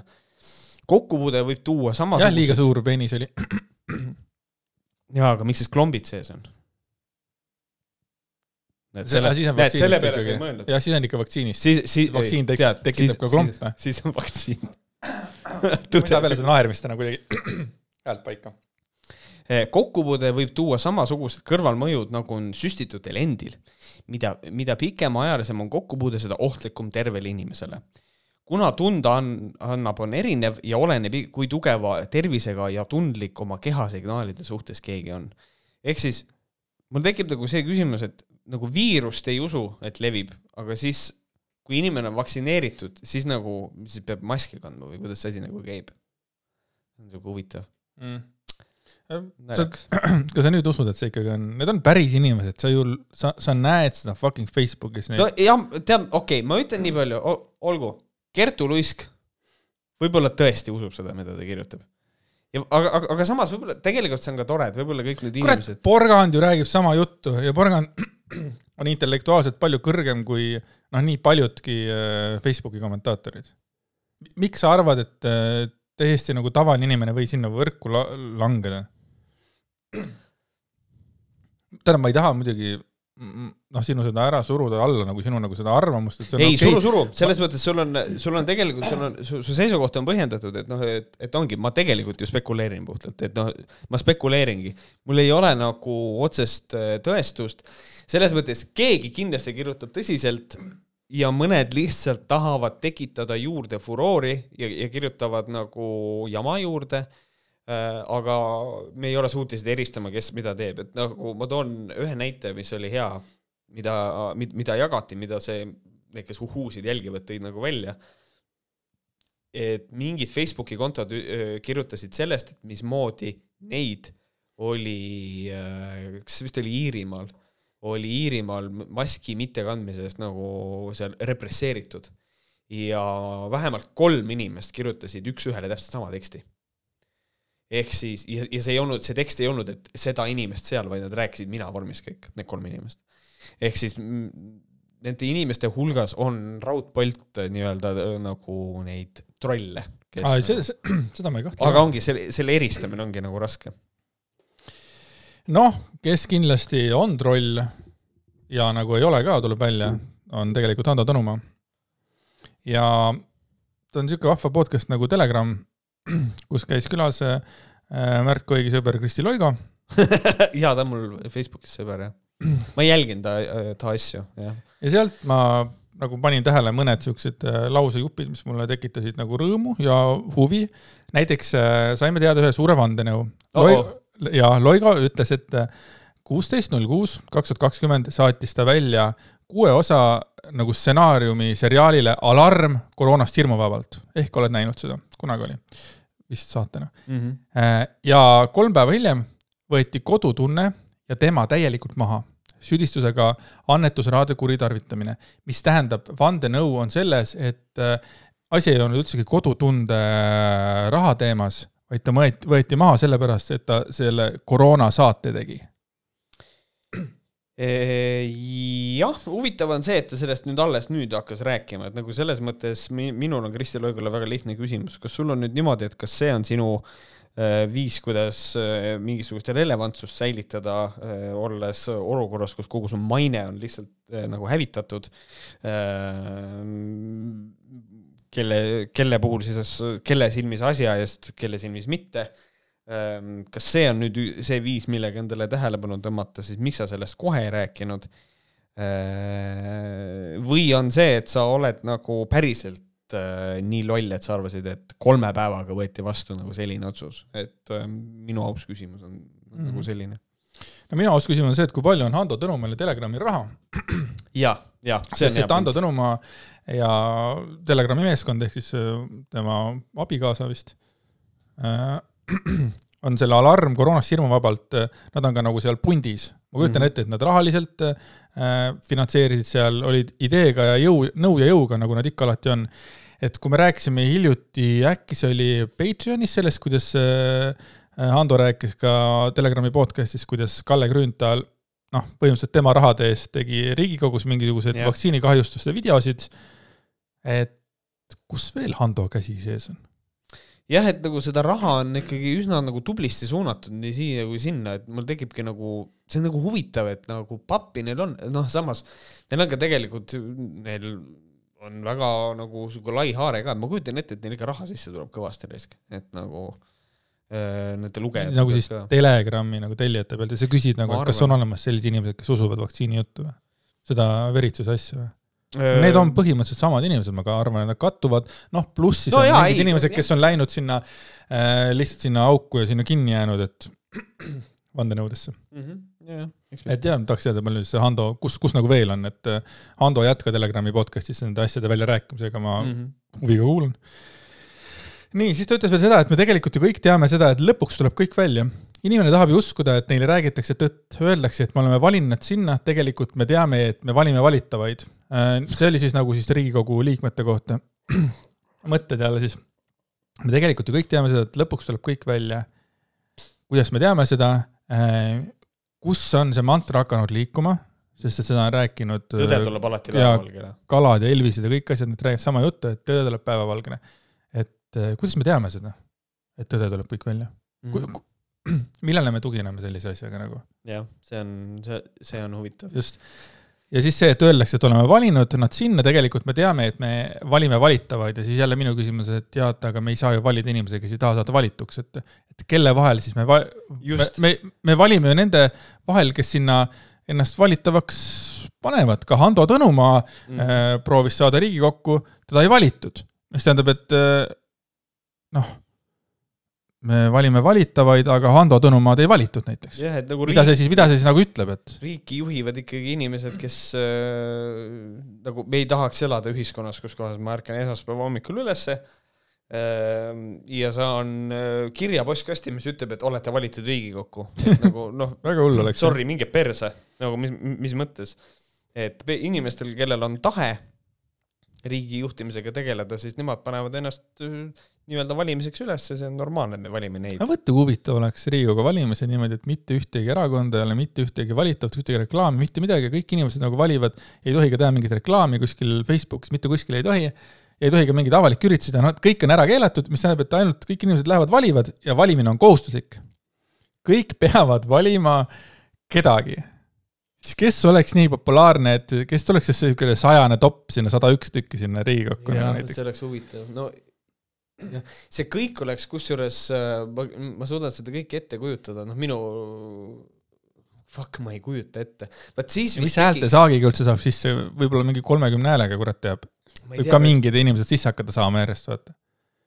ja, jah ja eriti veel siis, kui oleks vaata niimoodi, et ei tohi reklaami teha ja on vaata see süsteem, et, äh, et ongi, et sulle tuleb kiri, et sind valiti Riigikokku, et on valimised, nüüd valime ja sa võid valida ükskõik keda. ja kõiki. kõiki. sa pead minemagi Riigikokku. ja siis sa lihtsalt lähed, äh, ma ei tea, naabrit ei salli, siis hääletad naabri riigi, nagu Riigikokku mingisugune siukene asi. ma ei tea, see oleks päris huvitav. see oleks äge. see oleks sotsiaalne eksperiment, ma tahaks teada, mis, mis siis juhtub. nii, ja nüüd siis samas põhi... oleks Varro meie peaminister, nii et seda sa arvad, me oleme varemgi teda üle hinnanud, nii et ja. me kipume üle hindama neid inimesi, kellest me nagu teame mm -hmm. või noh, kes, kelle teemasid me oleme puudutanud. selles mõttes, ma, ma tähendab enda puhul olen seda nagu märganud, ma kipun neid üle hindama, vähemalt siis, kui me vähemalt neid KOV valimistel hääli andsime, ma andsin mm -hmm. kõikidele palju hääli, kellest ma olen palju rääkinud, vaata. jah, põhimõtteliselt küll, põhimõtteliselt küll. et see on nii, aga nüüd oli siis põhiteema, millest siis nagu äh, Loigo hakkas rääkima mm minu hinnangul, ta räägib siis oma kaheteistaastasest äh, pojast, kes äh, lasi endale siis vaktsiini teha. ja ta ütles, minu hinnangul on ta veel väike.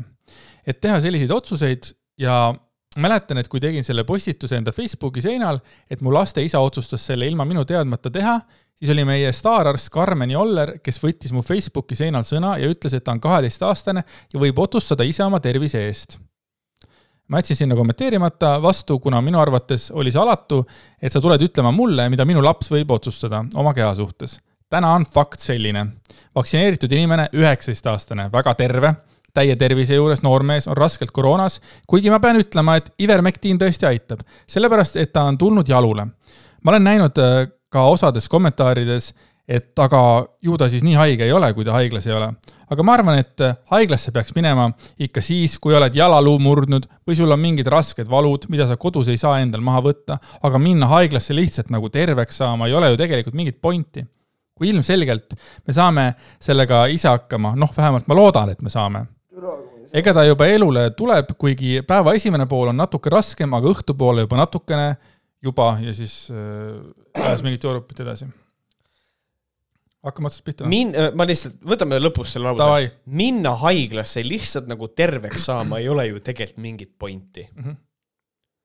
kuidas on võimalik, et selline, ma, ma, ma, ma küsin ühe küsimuse, mida ma olen küsinud oma striimis, kuidas on võimalik, et sperm ja munarakk saavad teha inimese, kes niimoodi mõtleb? minna haiglasse lihtsalt terveks saama ei ole ju tegelikult mingit pointi. Sure, davai have fun, have fun uh, with your life. no see saigi sellest alguse, et äh, keegi oli, noh, me oleme siin ise ka öelnud, et kui, või no ma olen ise ka mõelnud, tähendab seda, et kui mina olin koroonas, ma olin neli päeva olin niinimetatud raskelt, aga noh, tegelikult ma läbisin selle kergelt, sest ma ei olnud haiglas, onju. mis tähendab, et mina põdesin selle kergelt, kuigi mul oli raske olla. nii. ja nüüd siis tema ütleb, et äh, lihtsalt haiglasse terveks saama ei ole tegelikult mingit pointi minna, aga haiglasse lähevad äh, number üks, rasketel juhtudel. rasketel juhtudel on äh, hingamine ja organismi hapnikuga varustamine selgelt löögi all. esineb üks kolmest kriteeriumist, hingamisraskus, hingamissagedus üle kolmekümne korra minutis ilma lisahapnikuta, äh, langeb veres hapnikusisaldus alla üheksakümne protsendi või hapniku osarõhu langus arteriaalse vere analüüsis nii, see oli siis üks, miks inimesed lähevad ja teine on siis kriitiline, mis on hingamispuudulikkus, äh, septiline šokk või mitme organi puudulikkus. nii et need ei ole asjad, äh, nagu aa, ei, nende pärast ei, ei peagi minema üldsegi, sest ikka tavaliselt minnakse ka mingi luumurru pärast, mitte lihtsalt haiglasse lihtsalt terveks saama. kurat, inimene ei saa valud. hingata. noh yeah,, see on jah. et see on nagu see, aga, aga minu. aga, aga lõppkokkuvõttes on ikkagi, kui sa murrad oma jalaluu, on ju, et siis ongi nagu miks siis haiglas üldse statsionaar eksisteerib, kui haiglasse inimesed lähevadki ja saavad ju seal ju tervemaks no,? ta ei usu sellesse, tema usub ivermektiini. see on ikka täiesti haige no.. aga minul see tegelikult algus oli see, mis mind nagu, nagu, nagu huvitas, oli see, et siis nagu Kristi Loigo äh, siis nagu laste isa otsustas selle ilma minu teadmata teha, mis tähendab, et ta nagu viis siis oma kaheteistaastase poja ütles, et davai, teeme ära nüüd, poeg ütles davai, teeme, cool. Kus on need piirid ja, ja mis on tegelikult see, kus on õige, mis on õige, mis on vale? mis, mis sina nagu arvad sellest, üks vanem on Kristi Loigo, kes on Vaktsiinid on genotsiid ja teine vanem on Peeter Loigo, näiteks, ma ei tea, mis ta nimi on, ja ütleb, et ma tahan, et minu laps oleks terve ja mina usun vaktsiine. see vist äh kummal siis nagu selles mõttes on nagu õigus, mõlemal vanemal. praegu selle peale mõtleme, et see vist on tema eelmine mees, mitte, mitte, mitte Loigo, aga noh, pohhui. ühesõnaga laste teine vanem, no vaata siin, siin tuleb arvestada sellega, et meil on kõigil oma, oma kallutatus, et noh, mina kindlasti pooldan vaktsineerimist, eks ole. aga siin nii nõme, kui see ka ei ole, siis minu, vot minul on selline seisukoht. kui minu laps on kaheteistkümne aastane ja ta tahab midagi teha ja näiteks Liisa ütleb, et see on okei okay. ja mina leian, et see ei ole okei okay.. aga Liisa ütleb, et see on okei okay ja ma selgelt näen, et mu laps tahab seda ise teha, siis äh, selles mõttes minu jaoks on see hääletus ära tehtud. mina arvestan lapse sooviga ka. ma mõtlesingi, et kas see ongi see kriteerium, mille järgi võiks seda asja siis äh, äh ma ei tea, siis teha, et, et üks on vastu, teine on poolt ja siis, siis, siis saab valida see, kelle üle otsustatakse mm, -hmm. et siis saab valida tema, on ju. kui kaks vanemat on vastu, siis ilmselgelt ei tehta, vaata yeah.. on see ikka ilmselge või? või kaheteistaastane juba võib ka ise teha, kui mõlemad vist on antivaxerid? vist ei, vist ei saa, aga ma olen, tähendab, ma olen kindel, et kuidagi saab. ma olen täiesti veendunud selles mm ja siis, siis tema teine poeg, siis üheksateistaastane poeg tegi omal valikul, kuna tema tahtis käia jõusaalis ja ta mõtles, et tema jaoks ei ole oluline see kogu see koroona asi, et sellega tegelegu tema ema, kui tahab, eks ole, onju. ja siis see poeg jäi äh, haigeks ja siis sina tegelesid sellega ka striimis, et äh, võtsid selle postituse ette, kus Kristi Loigo süüdistas valitsust ja kõike mm. -hmm. Vali-, et valitsus on lubanud, et et ta ei jää haigeks, valitsus ei ole elu sees sihukest asja lubanud, et noh, see on mingi, see on tal mingi noh, ma saan aru, ta emotsionaalselt mingi afektiseisundis kirjutatud postitus, aga nagu rumal ikkagi, et noh, valitsus ei ole lubanud sajaprotsendilist kaitset mitte kunagi, sest et see on lollakas. mitte ükski vaktsiin ei ole sajaprotsendilise kaitsega mm. -hmm.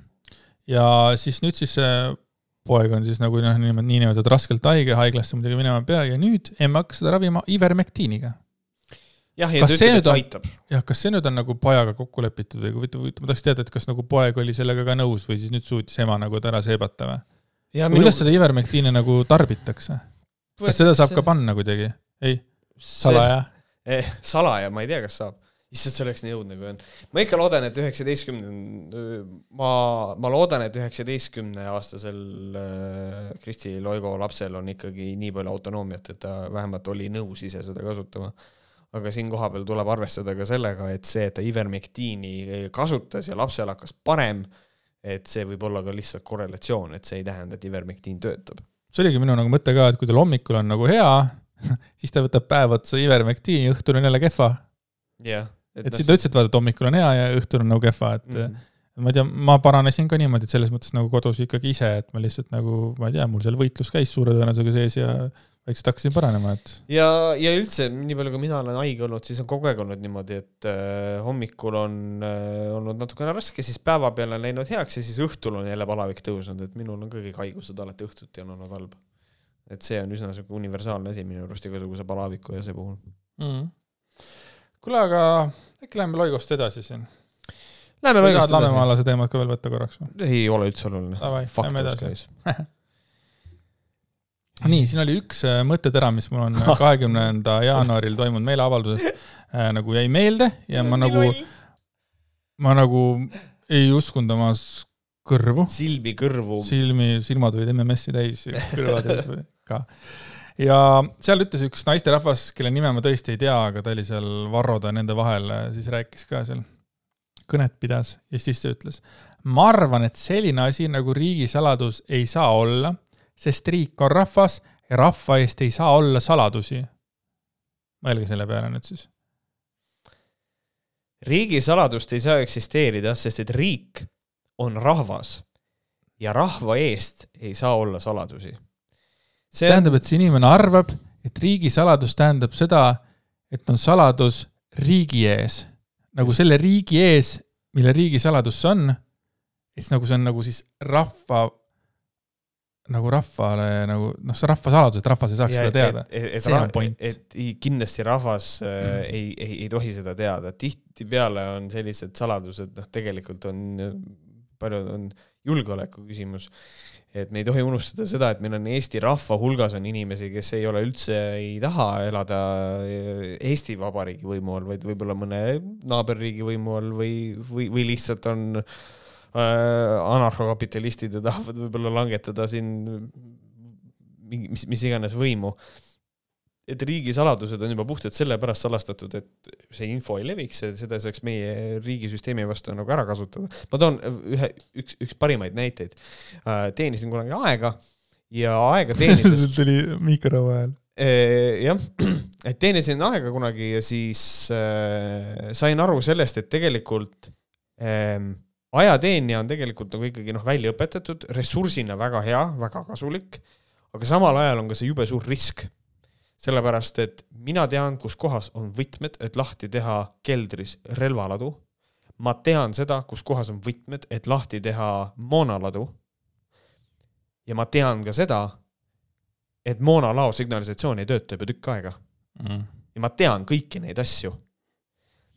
Ja siis ma sain nagu aru, et noh, tegelikult ikkagi see on niimoodi, et kui sa õpetad, kui äh, riik õpetab kellegi välja riigikaitseks siis ta tegelikult samal ajal koolitab välja ka väga äh, suure julgeolekuohu mõnes mõttes.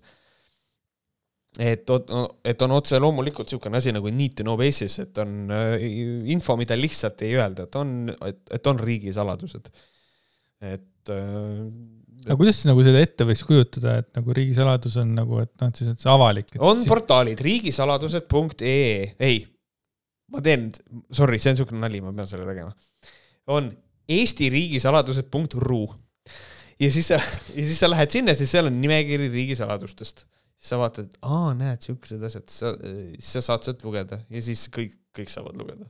Aga sa rääkisid ennem spermatosoididest ja sa ei saa aru sellest, kuidas mingid asjad, et inimesed mõtlevad niimoodi, siis mina ei saa nagu sellest aru, kuidas saab üks inimene niimoodi mõelda, et riigisaladus on peitmiseks oma rahva eest, mitte selleks, et see nagu teised riigid ei saaks teada. Mm -hmm.. noh, see see on, see on täiesti uskumatu minu jaoks. see, see on jahmatav ka, noh, loomulikult me isegi ei langenud siin sellesse detaili, et, et sest riik on rahvas, noh, riik ei ole ilmtingimata rahvas, riik on ka idee, riik on ka sellest, et mis asi on riik, on ka teatud sihuke juriidiline keha. Eh, riik on alati oma valitsuse nägu, et noh, see ei ole lihtsalt, et rahvas, jah, meie valitsus on ka rahvas, aga need on ikkagi natukene eraldiseisvad asjad, et ühesõnaga see on, see on niisugune lasteaia tasemel loogika ja nüüd võtaks siis viimaseks teemaks äh, meie kõigi vaimse teejuhi. kes ei saanud ühtegi võhka? kes ei saanud mitte ühtegi võhka, sest et äh, lihtsalt võib-olla järgmine aasta võib-olla teeme aasta fanaatik. ja aasta Pärn. aasta, aasta Pärn on Malle Pärn äh,. Malle Pärna väikene kolumn, mis ta on kirjutanud Objektiivi äh, taaskord äh, on sattunud dokumenti see kolumn, ma ei tea, ma ei tea, kuidas need siia, kes need siia paneb alati. juud, meil on praegu kolm kolumnit on jäänud kõrvale, nad on olnud dokumendis, siis tuleb uus peale et nad vajusid see dokumendis alla, et meil on vaja sellega tegeleda, see on oluline just, et Malle Pärn on kirjutanud siis kolumni pealkirjaga Ebanormaalsus ei saa olla normaalsus, ei uus ega vana ja siis äh, nagu ikka äh,, hakkame siis äh,, kuidas me teeme, kas hakkame, kas ma hakkan algusest lugema? muidugi. hea küll, lähme siis, võtame ka terve kolumni ette. muidugi. meie elu põhi, sorry, meie elu põhiteemaks on juba teist aastat koroona. see on nagu merelaine, kord rahulikum, kord energilisem, kohati paisutatud lausa tormiks. Igal juhul sunnitakse meid kõiki sellele alluma. mõned, mõned entusiastid on koguni öelnud, et see on meie uus normaalsus ja me peame õppima sellega elama. aga tegelikult see on ju meie uus normaalsus, koroona kui selline mm. -hmm. ja meil on vaja sellega õppida elada mm. -hmm. ei pea midagi tegema, onju, aga meil on vaja sellega õppida elama et selles suhtes, ma arvan, ma ei ole praegu, ma isegi ei nori Mallega, vaid ma nagu arvan, et et see ongi niimoodi. no vähemalt praegu jah, otse loomulikult. ei no come on, me oleme rääkinud algusest saadik, sina oled rääkinud seda, et koroona kui selline jääb meile nagu pikaks ajaks mm -hmm. ja maskid võivad jääda ja nii edasi, onju. et ma arvan, et see on, üks hetk ei panegi, see ei ole mingi normaal-, noh, see ei ole nagu uus, vaid see jääbki sellise, selliseks, lihtsalt ta kogu aeg muundub nagu kuidagi nagu kergemaks, vaata nagu mm. -hmm. ja see on siis sissejuhatav lause ja nüüd, daamid ja härrad, terve ülejäänud kolumni puhul on lennanud sitt ventilaatorisse kiirusega kuuskümmend viis kilomeetrit tunnis. kõigepealt, ebanormaalsus ei saa kuidagi olla normaalsus ei uus ega vana ja ahvi maskidesse peidetud inimnäod ei ole normaalne nähtus, pigem vastupidi. ebanormaalsusele tuleb vastu hakata, normaalsust tuleb igati kaitsta ja hoida ehm, kõigepealt ta räägib, et tuleb hoida normaalsust ja ebanormaalsus ei saa olla normaalsus. Mulle ei meeldi olla see inimene. aga mis asi on normaalne? see, mis oli ennem. see, mis oli konservatiiv enne. hoiab, äh, talletab ja ma ei tea, mis sõnum tuleb talletab, konserveerib, tead. just, just. et, et, et äh, kõik, mis on uus, on ebanormaalne. Noh, kaasa arvatud homoabielud kindlasti kuhu, jõuab lõpus. kuhu, võib-olla keegi küsib, aga ta ju selles kont-, jõuab küll, don't worry about it uh, aga ahvimaskidesse milles on mask süüdi praegu, ma mõtlesin kohe huvi pärast, et äkki ahvimask on mingisugune nagu mingi släng kuskil, ma lõin sisse ahvimaskid ja mul tulid lihtsalt ahvimask nagu maskid, mis on ahvi näoga. konservatiivide sõnaraamat, ahvimaskid. Mask teeb meid mingis mõttes liberaalselt võrdseks sest ühtmoodi koledad ninarätikusse pobisejad on nüüd kõik, nii ilusad kui inetud, välja arvatud ehk see, et nüüd võrreldakse inimesi nende maskide põhjal. kõige alamal on kindlasti tavalise meditsiinilise Hiina maskiga inimesed, kõige uhkemad aga kannavad erilisi disainmaske, välja, välja õmmeldud mustritega, tähenduslike kirjadega ja puha. enamus neist on mustad, miks? Äh, miks Malle Pärn äh, lahterdab inimesi ilusateks ja inetuteks? nii ilusad kui ka inetud on need koledate ninarätikute sisse pobisejad. minu arvates see on väga inetu tegelikult, kõik inimesed on väga ilusad. Äh, kellegi jaoks ikka ju. jah, no selles mõttes. see on, noh, kas temale meeldiks, et me lahterdaksime teda kas ilusaks või inetuks või? ma ei tea et äh, ja, ja, ja räägime siin lahterdamisest, et äh, millegi, et ta arvab, et inimesi võrreldakse maskide põhjal. et äh, kõige alamal on meditsiinilised maskid ja teistel on siis uhked disainmaskid, mis nagu e, esiteks see, et selline lahterdamine käib, minu jaoks on täiesti koomiline spekulatsioon. Aga ma tahaks teada, kuskohast ta võtab seda kas temal on, kas tema äkki kuulas Võhkereid ja siis me naersime seda, et tal oli ühe pildi peal visiir ees. ja siis äh,, ja siis ta tunneb, et tal on õudselt, ta on nüüd haavunud ja siis ta peab, nüüd ma olen solvunud. minu arust, mida aeg edasi, seda rohkem ma näen just neid äh, tavalise meditsiinilise maskiga ja. inimesi. on. et neid äh, flash'i, flash'i maske jääb järjest vähemaks. aga kas mitte EKRE maske ei ole ka mitte fancy kirjaga, mingi must, äh, mingi fancy, et. aga millal üldse kunagi Malle Pärn on ennast viinud ühegi EKRE asjaga kurssi, enne kui ta oma kuradi suu lahti teeb? et siin on jälle selline mm, kummaline olukord. see on aga... nõme, et ta niimoodi lahterdab tegelikult. on, jaa, ma olen nõus. ja siis ähm, ta mainib, nagu ma kordan igaks juhuks, see on järgmise lõigu puhul oluline, enamus neist on mustad. miks? see on üsna prohvetlik, sest tegemist ongi ju inimlikkuse tumedama poolega. maski kandmine kes peidab oma nägu? aus inimene ei peida, sest tal ei ole mõtteid ega plaane, mida oleks vaja varjata. musta maski alla peidab oma näo ikka see, kellel on mustad mõtted. see on, vot see on see hetk, kus kohas ma saan aru, et Malle Pärnal on absoluutselt kõik argumendid, argumendisahtel on tühi ja siis ta peab hakkama lihtsalt täielikult niimoodi lihtsalt täiesti puusalt, noh, ma ei tea, paneks siia ilukirjandust natuke sisse. et see on ikka täiesti õudne. sa arvad, et siin ei ole rassismiga midagi seotud? ei, ma ei usu seda okay,. ta, ma arvan, et ta on reaalselt, ta, ta arvabki seda, et inimesed kannavad musti maske sellepärast, nad tahavad harjata oma nägu, sest et neil on mustad mõtted. EKRE mask on musta värvi, by the way see on must mask, mille peal on sinine fucking rukkilill, mille peale on kirjutatud EKRE ehk siis eriti kuradi rõve erakond. aga okei okay,, aga mis on must mõte M? must mõte? minu arust must mõte on see, mida tema nagu igas oma kolumnis nagu avaldab, oma musti mõtteid. sellepärast tal ongi EKRE must mask, ma arvan. ei, no ma ei tea. see on huvitav lihtsalt, inetud, ilusad äh, meditsiinimaskid, mingid kuradi flash'imaskid, nüüd on juba mustad maskid nagu, nagu mis juhtus jälle? ja siis ähm,, ja siis jutt läheb edasi niimoodi, ma ei taha sellega öelda, et kõik musta maski kandjad on mustade mõtetega inimesed must mask tundub soliidsena, ehk sellepärast enamasti musti maske tehakse ja ostetakse, küsimärk. ja siin kohapeal, kohapeal on tegelikult see, mul on selline tunne, et see tekst on toimetamata, sellepärast et. kes see toimetab seal sinu arvates? Äh, ma arvan, et. Ähm, Vogelberg. Vogelberg ei ole objektiivis enam kusjuures. huvitav, mis tal juhtus? Tere, sa jõudsid naerma, ma vaatasin meediakriitika saadet ja vaata nüüd on Makarov seal selle asemel ja siis on see, et ta näeb täpselt välja nagu Vogelberg, aga lihtsalt hästi palju aastaid hiljem, ta on lihtsalt vananenud nii ruttu. silmaopi ära teinud. aga ma ei tea, mis Vogelberg ära läks, ju tal siis, vaata, tal oli kunagi, ta oli feminist, äkki tal oli kontserv, nüüd tal tuleb võib-olla mingi uus asi. ei tea jah ja., aga Varro soovis talle edu. Jah, mis tähendab, et mis tähendab, et nad ei ole ikkagi tülis. jah, või on see, et ma näitan head nägu, et ei, see, ta ei näita oma nägu. aa, ta oleks jah, ta võib-olla nimetaks seda reeturiks ja eh, hundiks lambanahas või midagi sellist aga ühesõnaga, miks ma seda ütlen, et see tekst on toimetamata, on see, et äh, Malle Pärn on välja käinud selle idee, et mustad maskid on sellepärast, et seal on, inimesed tahavad varjata oma nägu, neil on mustad mõtted ja siis ta tõmbab kogu sellele nagu mõttele tegelikult vee peale sellega, et noh, et noh, enamasti ikkagi sellepärast, et on soliidne. Sure, siis miks see mõttearendus üldse vajalik oli, sest et sa hävitasid selle just ära no Kris Kala stail siuke. jah, veits siuke vibe on, aasta e-, e ebastabiil võib-olla kunagi. niisiis, see must, see must surutakse meile peale, ma usun, see on poliitiline kes see surub? kes, kes see surub?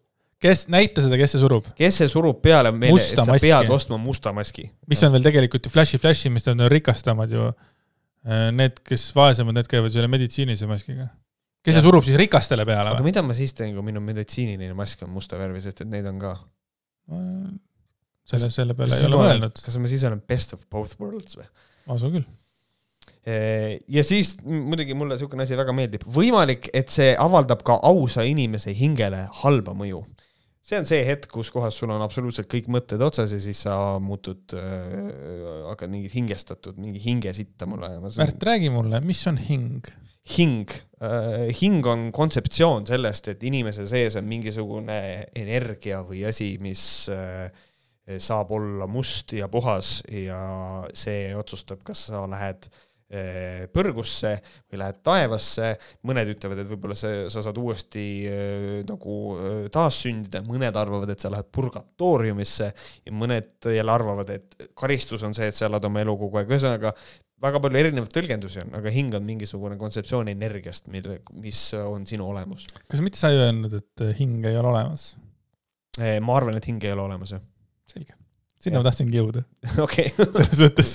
Ma lihtsalt aga aitäh sulle selle nagu väga mõnusa vastuse eest. Palun, palun, ma selle jaoks ma siin olengi mm. -hmm. Ja naeratus, see soojuse ja sõbralikkuse sümbol muutub mõttetuks sest mask peidab selle ära. inimese naeratust näeb silmades ka tegelikult, siirast naeratust eriti. kui inimene feigib naeru, siis seda silmadest näha ei ole reeglina. et tegelikult, kui inimene nagu päriselt naerab, siis on seda ikkagi silmadest näha, aga noh, ma arvan, et ei ole väga palju inimesi, kes male suunas naeratavad, et ta võib-olla ei tea seda. inimlik suhtlemine on raskendatud, kõigepealt ei tunta alati maskis inimest äragi. Teiseks ei kosta maski tagant välja ka hästi artikuleeritud kõne, ent eestlased kipuvad olema pigem kehvad artikuleerijad, kes ei vaevu isegi avalikkuse ees kõneledes piisavalt selgelt häälikult välja hääldama. Eelda, enamasti räägitakse tasasel nii-öelda poolhäälel justkui omaette, üldse mõtlemata sellele, kas kõne on kõigile kuuldav. millegipärast ta kukkus renti siin. True. Äh,, olen nõus äh,, maskiga inimesi ei ole lihtne ära tunda et mul tuli kohe meelde see, kui ma käisin Sander Õigust vaatamas ja ma, mulle nagu inimesed naeratasid, noh, kes mind on, tunnevad, kaks-kolm inimest panid mulle nukke, ma ei tea, kellele ma nukke panin. ma ei suutnud tuvastada seda, sest noh, nii tuntavad silmad siis ei olnud vist yeah.. et see, selles suhtes Mallel on õigus ähm,. aga see, et ta kõigepealt ründab maske ja siis kipub nagu eestlasi hoopiski nagu nussima, et et enamasti, enamasti räägitakse tasaselt nii-öelda poolhäälel ja et umbes kipuvad äh, olema pigem kehvad artikuleerid, siis ei ole ju nagu ma-, maskis ei ole mingit probleemi, probleem on ju meie väljendusoskuses mm, -hmm. meie pobisemises, meie mis iganes asjad. jah ähm,, ja kusjuures ta ütleb seda, et noh, et kõigepealt ta ütleb, et eestlased ei oska fucking rääkida tema arvates, et räägitakse poolhäälel ja mm, -hmm. ja ma ei, ma ei, noh, ühesõnaga ta nagu ütleb seda, et mask rikub meil selle asja ära, aga siis ütleb, noh, tegelikult meil on niikuinii putsis sellega, et meil on nagu inimesed ei räägi niikuinii normaalselt. et äh, ma ei tea, mis kuradi inimestega tema suhtleb. ja teine asi on see, et mask, artikuleeritud kõne, et sealt ei taga, et sealt ei kosta see asi Malle, palun mine kõrvaarsti juurde. ma ei, mul, mul puudub see probleem, pigem on nagu see, kui on maski inimene, siis pobiseb, siis on probleem. Aga kui inimene korralikult artikuleeritult räägib, ei ole see probleem. Kris Kala vibes. Kris Kala vibes. ma ei tea, ma ei kuule, ma ei saa aru, mis ta räägib, minge kõrvaarsti juurde. kui mina, kui mina olin. täiskasvanu. kui mina olin, kui mina olin noor eh, siis koolis öeldi oli kasutusel niisugune termin nagu kõrvavärdjas. oled sa tuttav sellega? ei ole, aa ikka olen jah. et kui inimene ei kuule, siis ta on kõrvavärdjas mm. -hmm. Ma, ma olin hästi šokeeritud, keegi rääkis oma ema kohta, minu, minu sõber rääkis oma ema kohta, kuule, mu ema ei kuule, kõrvavärdjas. ja siis ma mõtlesin, jesus christ, mis teil juhtus? tavaliselt ikka öeldakse, et mine pese kõrvad ära või midagi taolist yeah. ma, ma, ma mingil põhjusel ei ole teinud näiteks seda, oleks noh mõelnud selle väikse, aa okei okay,, tõusen püsti, kõnnin minema, lähen kõrvu pesema näiteks. aga kunagi selle peale ei mõelnud ikka, okei okay, noh. nii, ja nüüd siis äh, Malle Pärn jätkab nakkushaigus on tõsine asi. seda tuleb piirata eelkõige raviga, haigete eraldamisega tervetest kohe, mitte alles siis, kui asi halvaks läheb, kas või eksperimentaalsete ravimitega. no me saame aru, et siin on tegu ivermektiini push'iga. jah, aga minul on küsimus, et aga eksperimentaalne vaktsiin sobib? siis on see, et noh, ilmselt ei sobi, vaktsiin ei sobi mm. -hmm. aga, aga eksperimentaalne ravim, mingi tei-, ükskõik mis, aga peale, välja arvatud vaktsiin jah, ja mulle meeldib see nagu idee ka, et nakkushaigus on tõsine asi, seda tuleb piirata raviga. Äh, Male Pärn vist ei tea seda, et koroonaviirus ja väga paljudel haigustel on täpselt seesama asi, isegi kuradi tuulerõugetel on see, et nad on kõige nakkavamad siis, kui sul ei ole veel sümptomeid.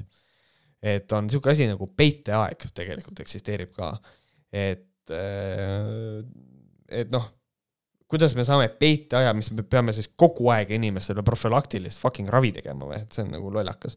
lihtsalt iga päev sööme ivermektiini sisse, who knows, äkki on koroonahaige kuskil.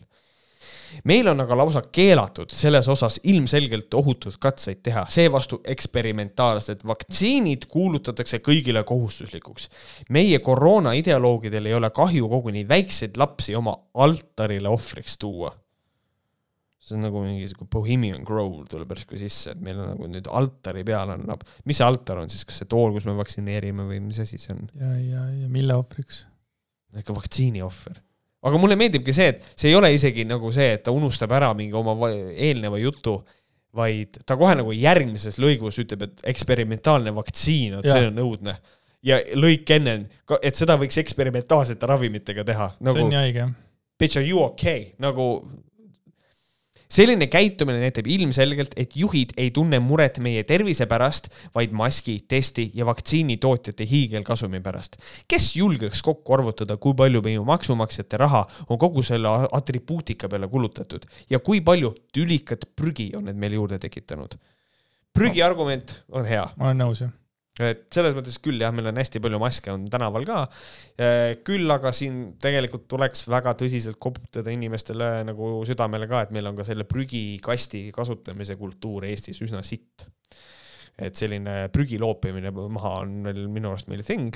ja teine asi kõikidele kuulajatele, kui te võtate kasutatud meditsiinilise maski eest ära enne seda, kui te panete maski prügikasti, tõmmake maski küljest ära need paelad eraldage need paelad vähemalt niimoodi, et oleks paelad sirgelt, et ükski loom ei saaks seda maski kuidagi sinna kinni jääda. väikene soovitus kõigile neile, kes kannavad kirurgilisi maske.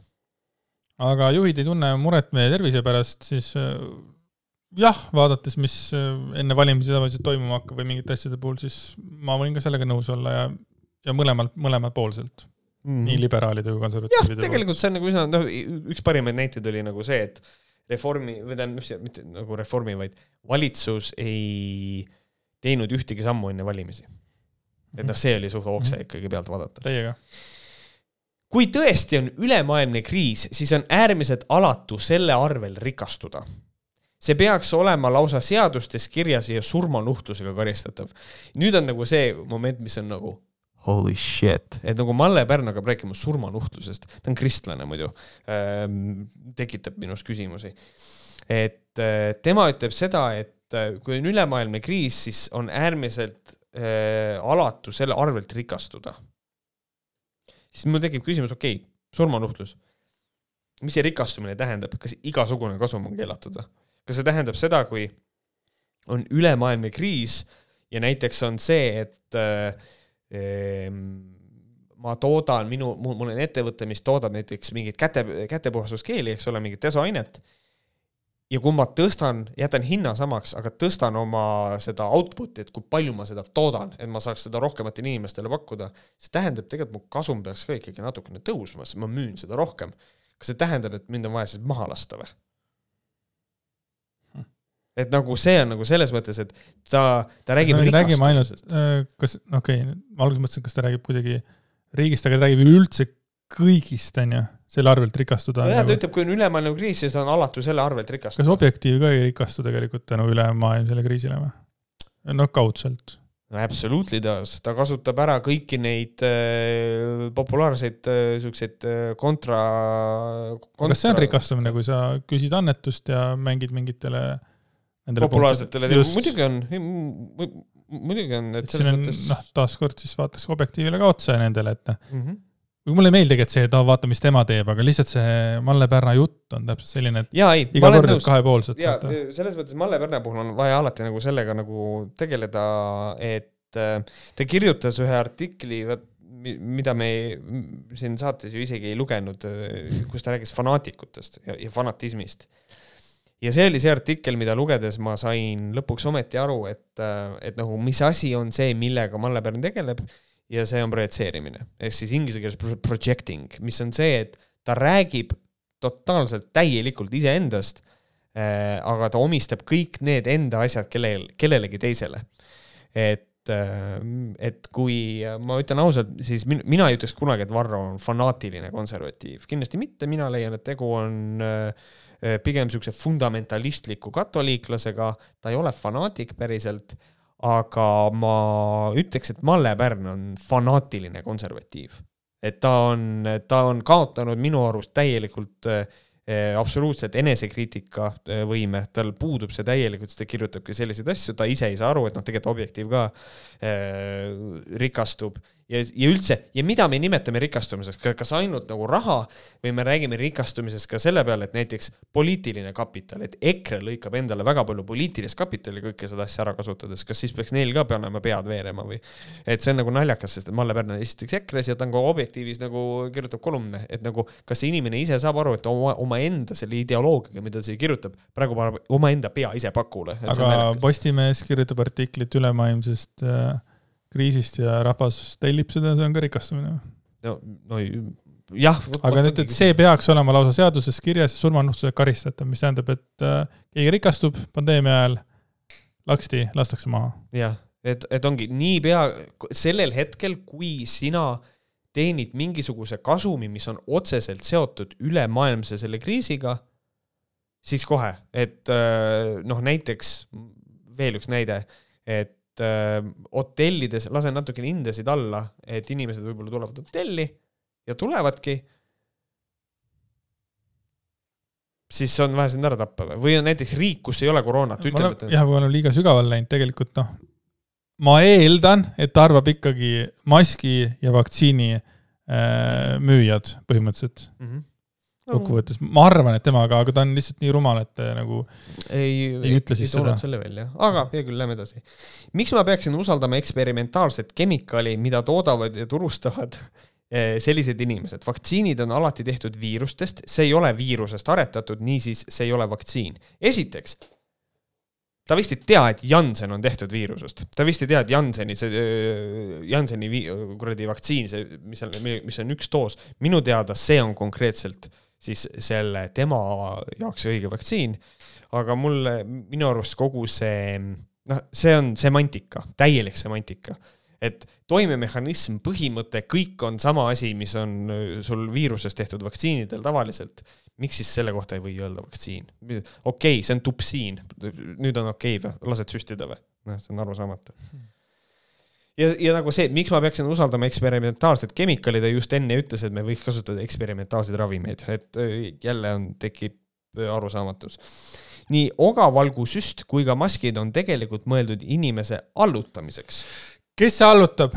keda allutab, ma ei saa aru sellest allutamise teemast, nüüd räägib seda juba Varro ka, Kris oli natuke ajast ees, tema nagu rääkis sellest varem, onju, aga keda allutatakse, needsamad inimesed, kes sind ja mind allutavad, eks ole, need samamoodi kannavad ise sedasama mm -hmm. nagu kes ke,, nad, nad ju ise teevad sama asja ju. sa või. ma ei saa aru sellest, kes see, kes see allutab siin võib teha selle vandenõuteoreetiku argumendi, et noh, et noh, tegelikult Kallas ja Biden, et noh, neile süstiti kaamera eest tead mingisugust destilleeritud vett, mingit soolalahust, füsioloogilist lahust ja ne nemad ei ole tegelikult vaktsineeritud saanud. aga, aga võta okay,, võta jah, maskid praegu. aga mask.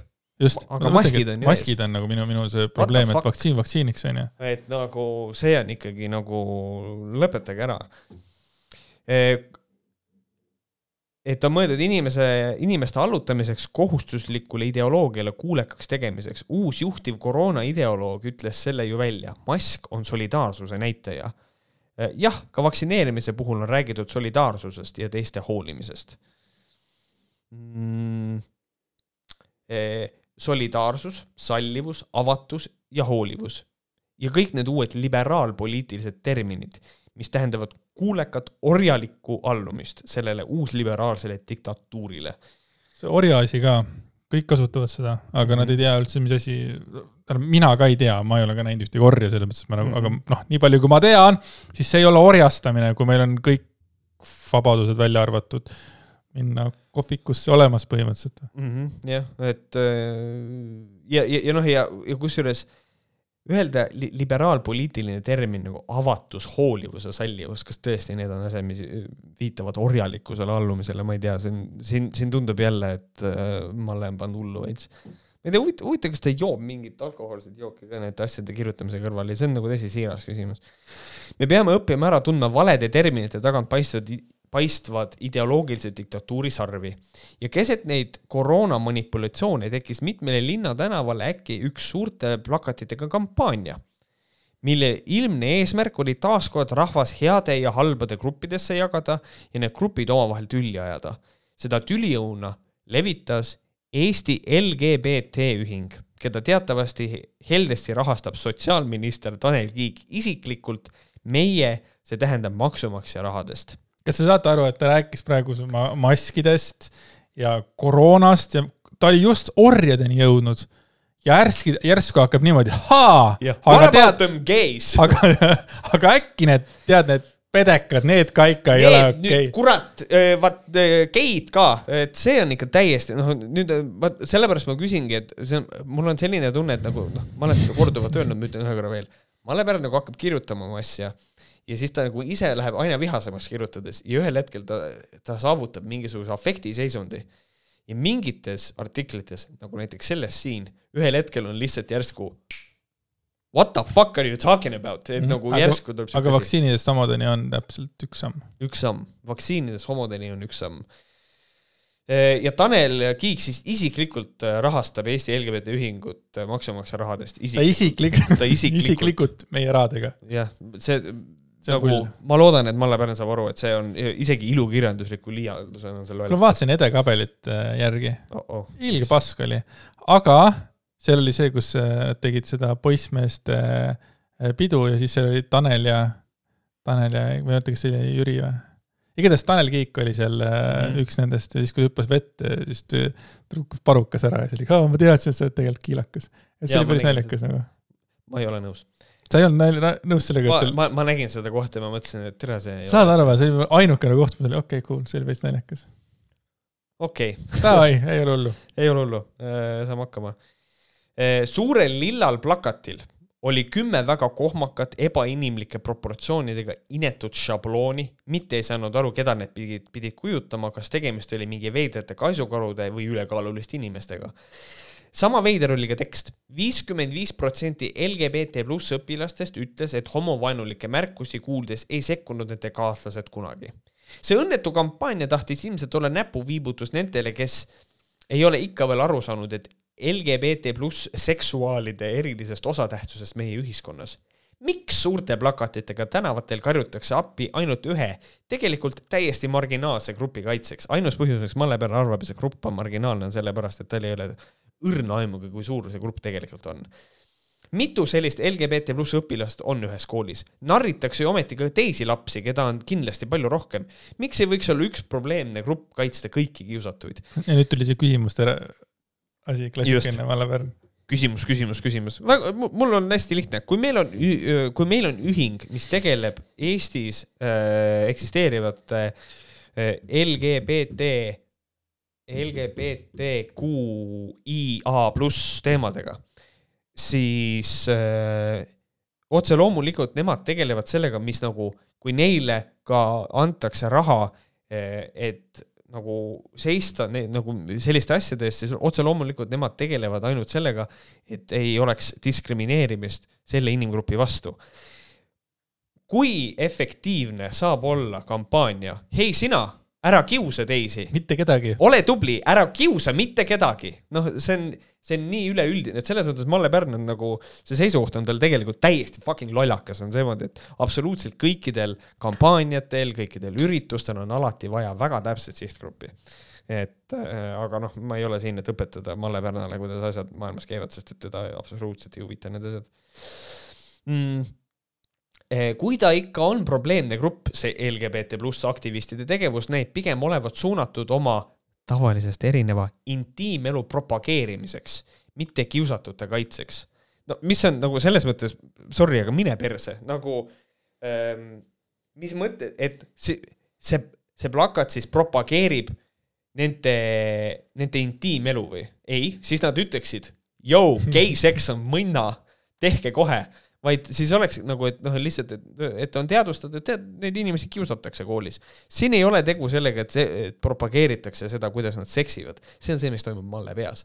see on see geiseks, millele tema mõtleb. tavalisest erinev intiimelu. jaa, absoluutselt, tavalisest erinev intiimelu. kus on tavaline, mis see tavaline on Tavaline...? mis tänapäeval on tavaline? ma mõtlen, ma ei kujuta, noh vot üks asi, mis nende jaoks on tavaline, aga ma kujutan ette siukene, mis ei no aga mis siis nagu, nagu missionär on siis nagu see niinimetatud kõige tavalisem või? ma, ma, tema jaoks võib-olla on ikka missionär jah. võib-olla on nagu väike sihuke vahepeal veits koera panna ka fine. aga noh, ei tea. aga huvitav, mis asi on nagu tänapäeva mõistes nagu, mis asi on tänapäeva nagu siuksel keskmisel inimesel, mis asi on nii-öelda see vanillaseks, mis asi see on? Et ma kujutan ette, et nagu oraalseks on ikka tänapäeval ikkagi nagu täiesti normaalne, minu arust nagu see nagu eeldatakse partnerilt neid asju. et, et nagu, aga huvitav, mis asi on see, huvitav, kas üldse mingil hetkel anaalseks on, on nagu hete-, räägime heteroseksist praegu, kas heterode vaheline anaalseks on mingil hetkel olnud nagu täiesti nagu vanilla? ma ei kujuta ette, you know what kõik, kes kuulavad seda saadet, võite kirjutada meile, mis asi on teie arvates nagu tänapäeval see vanillaseks see on täiesti huvitav asi.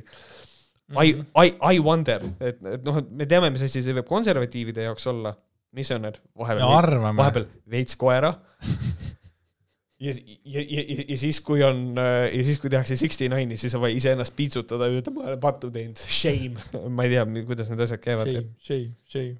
Shame et ühesõnaga, nii, aga ma ei ole veel läinud täiesti endast välja, ma loen selle lõigu lõpuni, siis lähen.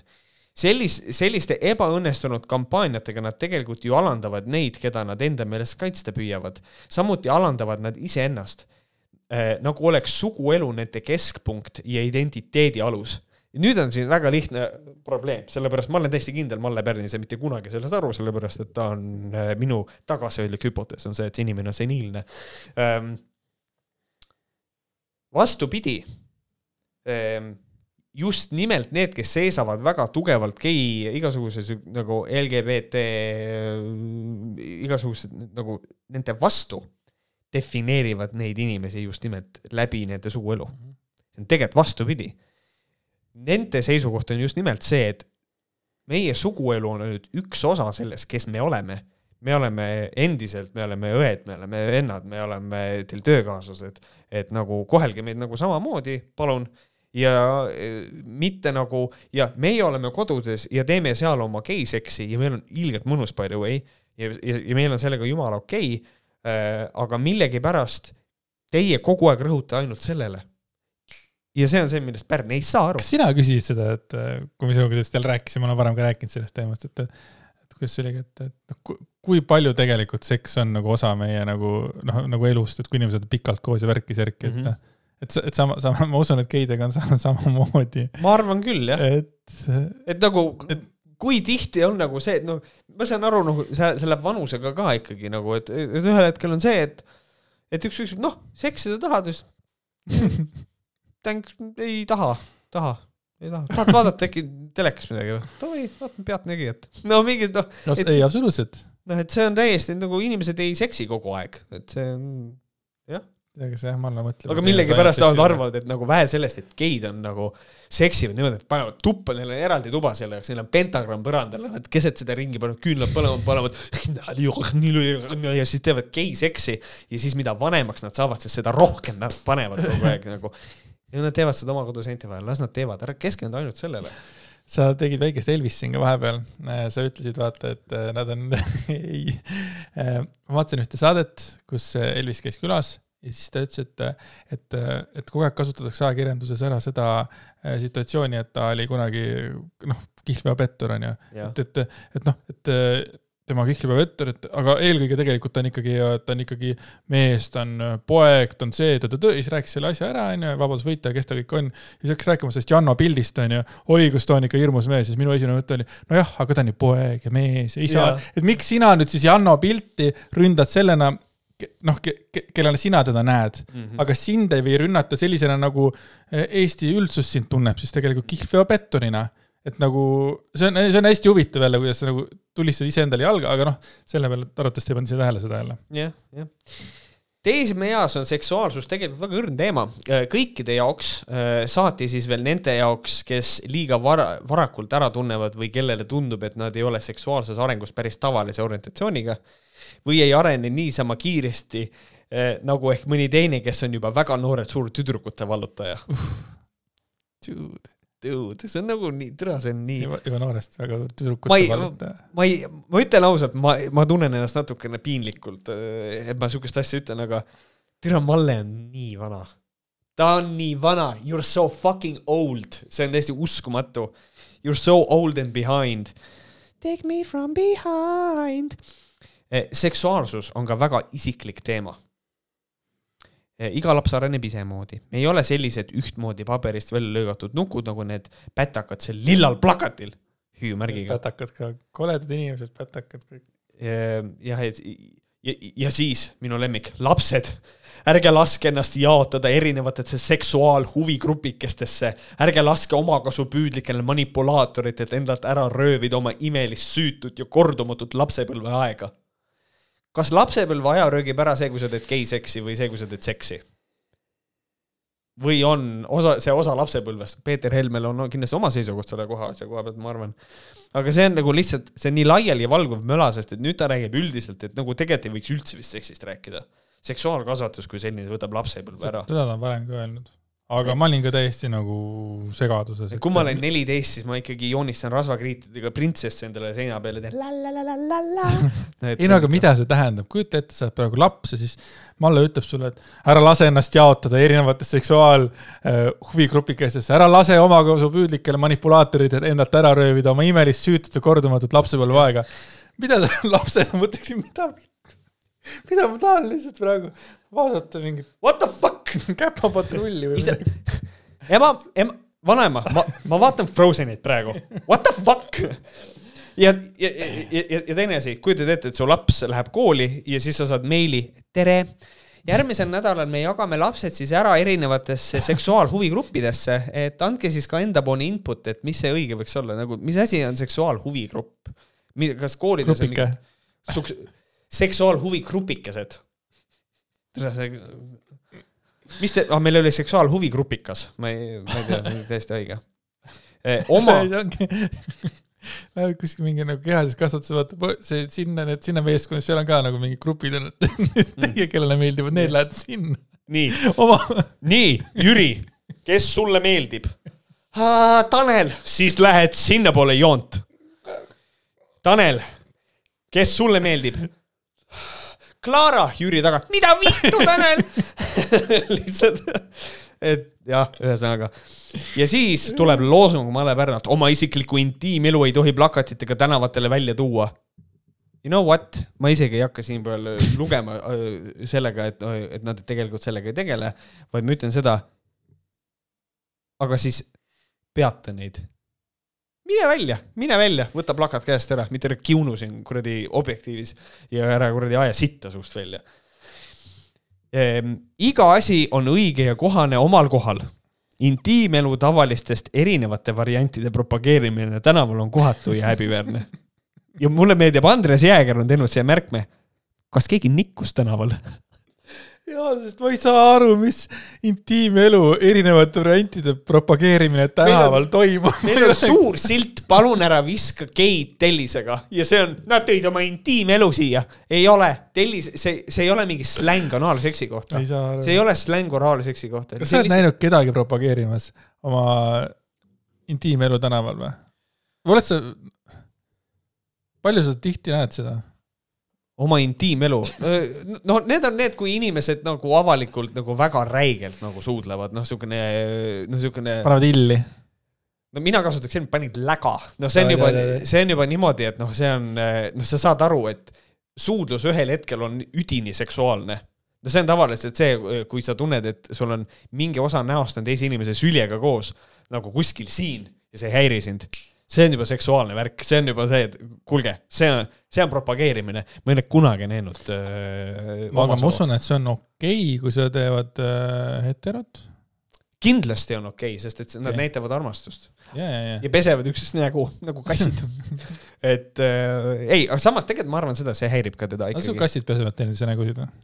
ei, ma lihtsalt tõin hästi halva näite. Nad pesevad enda nägusid. pesevad enda nägu et äh, aga ma arvan seda, et äh, aga, aga samas ta, vaata, mul ongi see, et mina arvan, et teda häiriks, kui selline intiimsus on tänaval, isegi heterode puhul, aga samas ta kirjutab eh, intiimelu tavalistest erinevate variantide propageerimine on kohatu ja häbiväärne et, et nagu see on. siis nagu tavaline. et tavaline nagu ikkagi on okei okay.. tavaline missionär on okei okay, Raekoja platsis.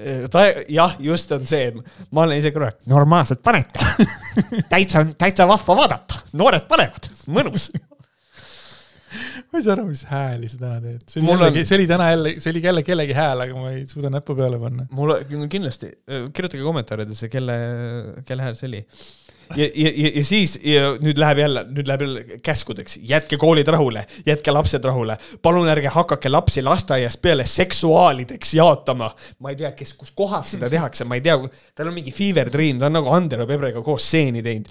suguküpsus hakkab kujunema puberteedieas, aga suguküpseks saab inimene alles kaheksateist kuni kahekümne aastaselt, you absolute fucking Melvin!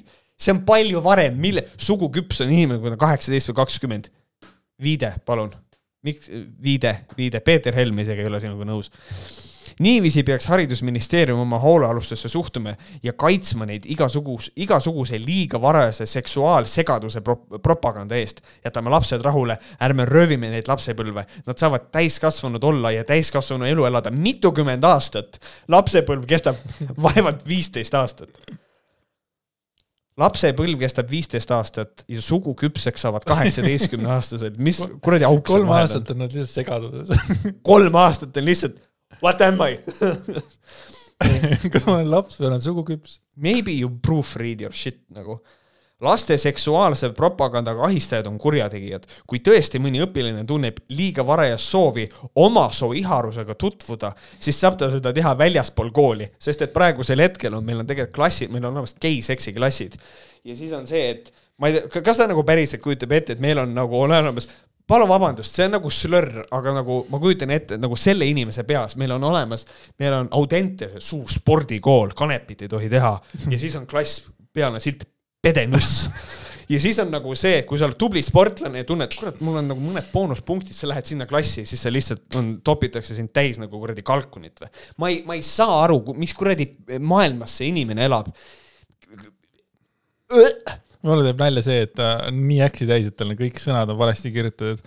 tegelikult sa lugesid õigesti, aga tegelikult ta kirjutas, kui tõesti mõni õpijane tunneb liiga varajast soovi oma soiharusega, oma so-, oma so-, oma soiharusega oma, ei, see on oma soi harusega, oma soi. oma soi äkki, harusega, äkki see oma soi, iharus on mingisugune asi. oma soi, oma soi rahus. siis läks nagu nii, nii närvi, et kõik läks sassi. ja nüüd äh, läheme filosoofiliseks. inimene on kordumatu ja hindamatu väärtus. elu on tohutu kingitus. Unless they are gay apparently. inimene ei tohi ennast alahinnata, ei tohi lasta endaga manipuleerida. ehk siis jaa, ole sina ise, mitte ära mani-, lase manipuleerida, et tegelikult see, et sa oled gei on, üli- on üdini vale ja siis võtad endale kaaslase, kes on sinuga erinevas soosis, sa oled elu lõpuni õnnetu. male nagu vabandab ennast praegu välja. ei tohi alluda rumaluse ja kurjuse jõududele väga irooniline on tema suust seda kuulda, kes tahavad tema hinge ära hävitada, hinge ei ole olemas, tema vaimu segadusse ajada, kes tahavad vormida meist kuulekad massietturid, ahned mõistuseta tarbijad ja fanaatilised seksiorjad. huvitav, kas Malle Pärn on kunagi saanud orgasmiga või? ära mine sinna, palun. ja ma, ma ei ole nõus äh, arutama. ma ei ole nõus arutama jah, ma ei ole nõus, tegelikult see, see oli minust kohatu, palun vabandust, vabandan Malle Pärna ees, me ei tea seda. ärme spekuleeri selle teemal ka, keegi ei taha seda teada. see, iga kord, Malle Pärna artikkel on ära ja siis ma lihtsalt mõtlen, how, nagu kuidas. ja siis nagu, kas keegi ei loe läbi neid artikleid, mõtled, kuule, et äh, sa räägid siin meist praegu veits, et äh, võib-olla tõmbad, koorid selle välja. ei tea, kurb, nukker, kahju, aga, aga selline sai siis Võhkerite see haigushoog, nagu, nagu ta meil on et äh, aitäh, et olete olemas, muuseas, meil on tegelikult saateid veel, kui äh, need on meil Patreonis, meil on patreon.com kaldkriips vohkarid, kus te saate liituda. mõni saade väsitab rohkem, mõni vähem. mõni saade väsitab, ma olen väsinud saatest. mina olen väga väsinud. ma loodan, et kuulajad ei ole nii ma väsinud. loodan, et kuulajad ei ole, jah.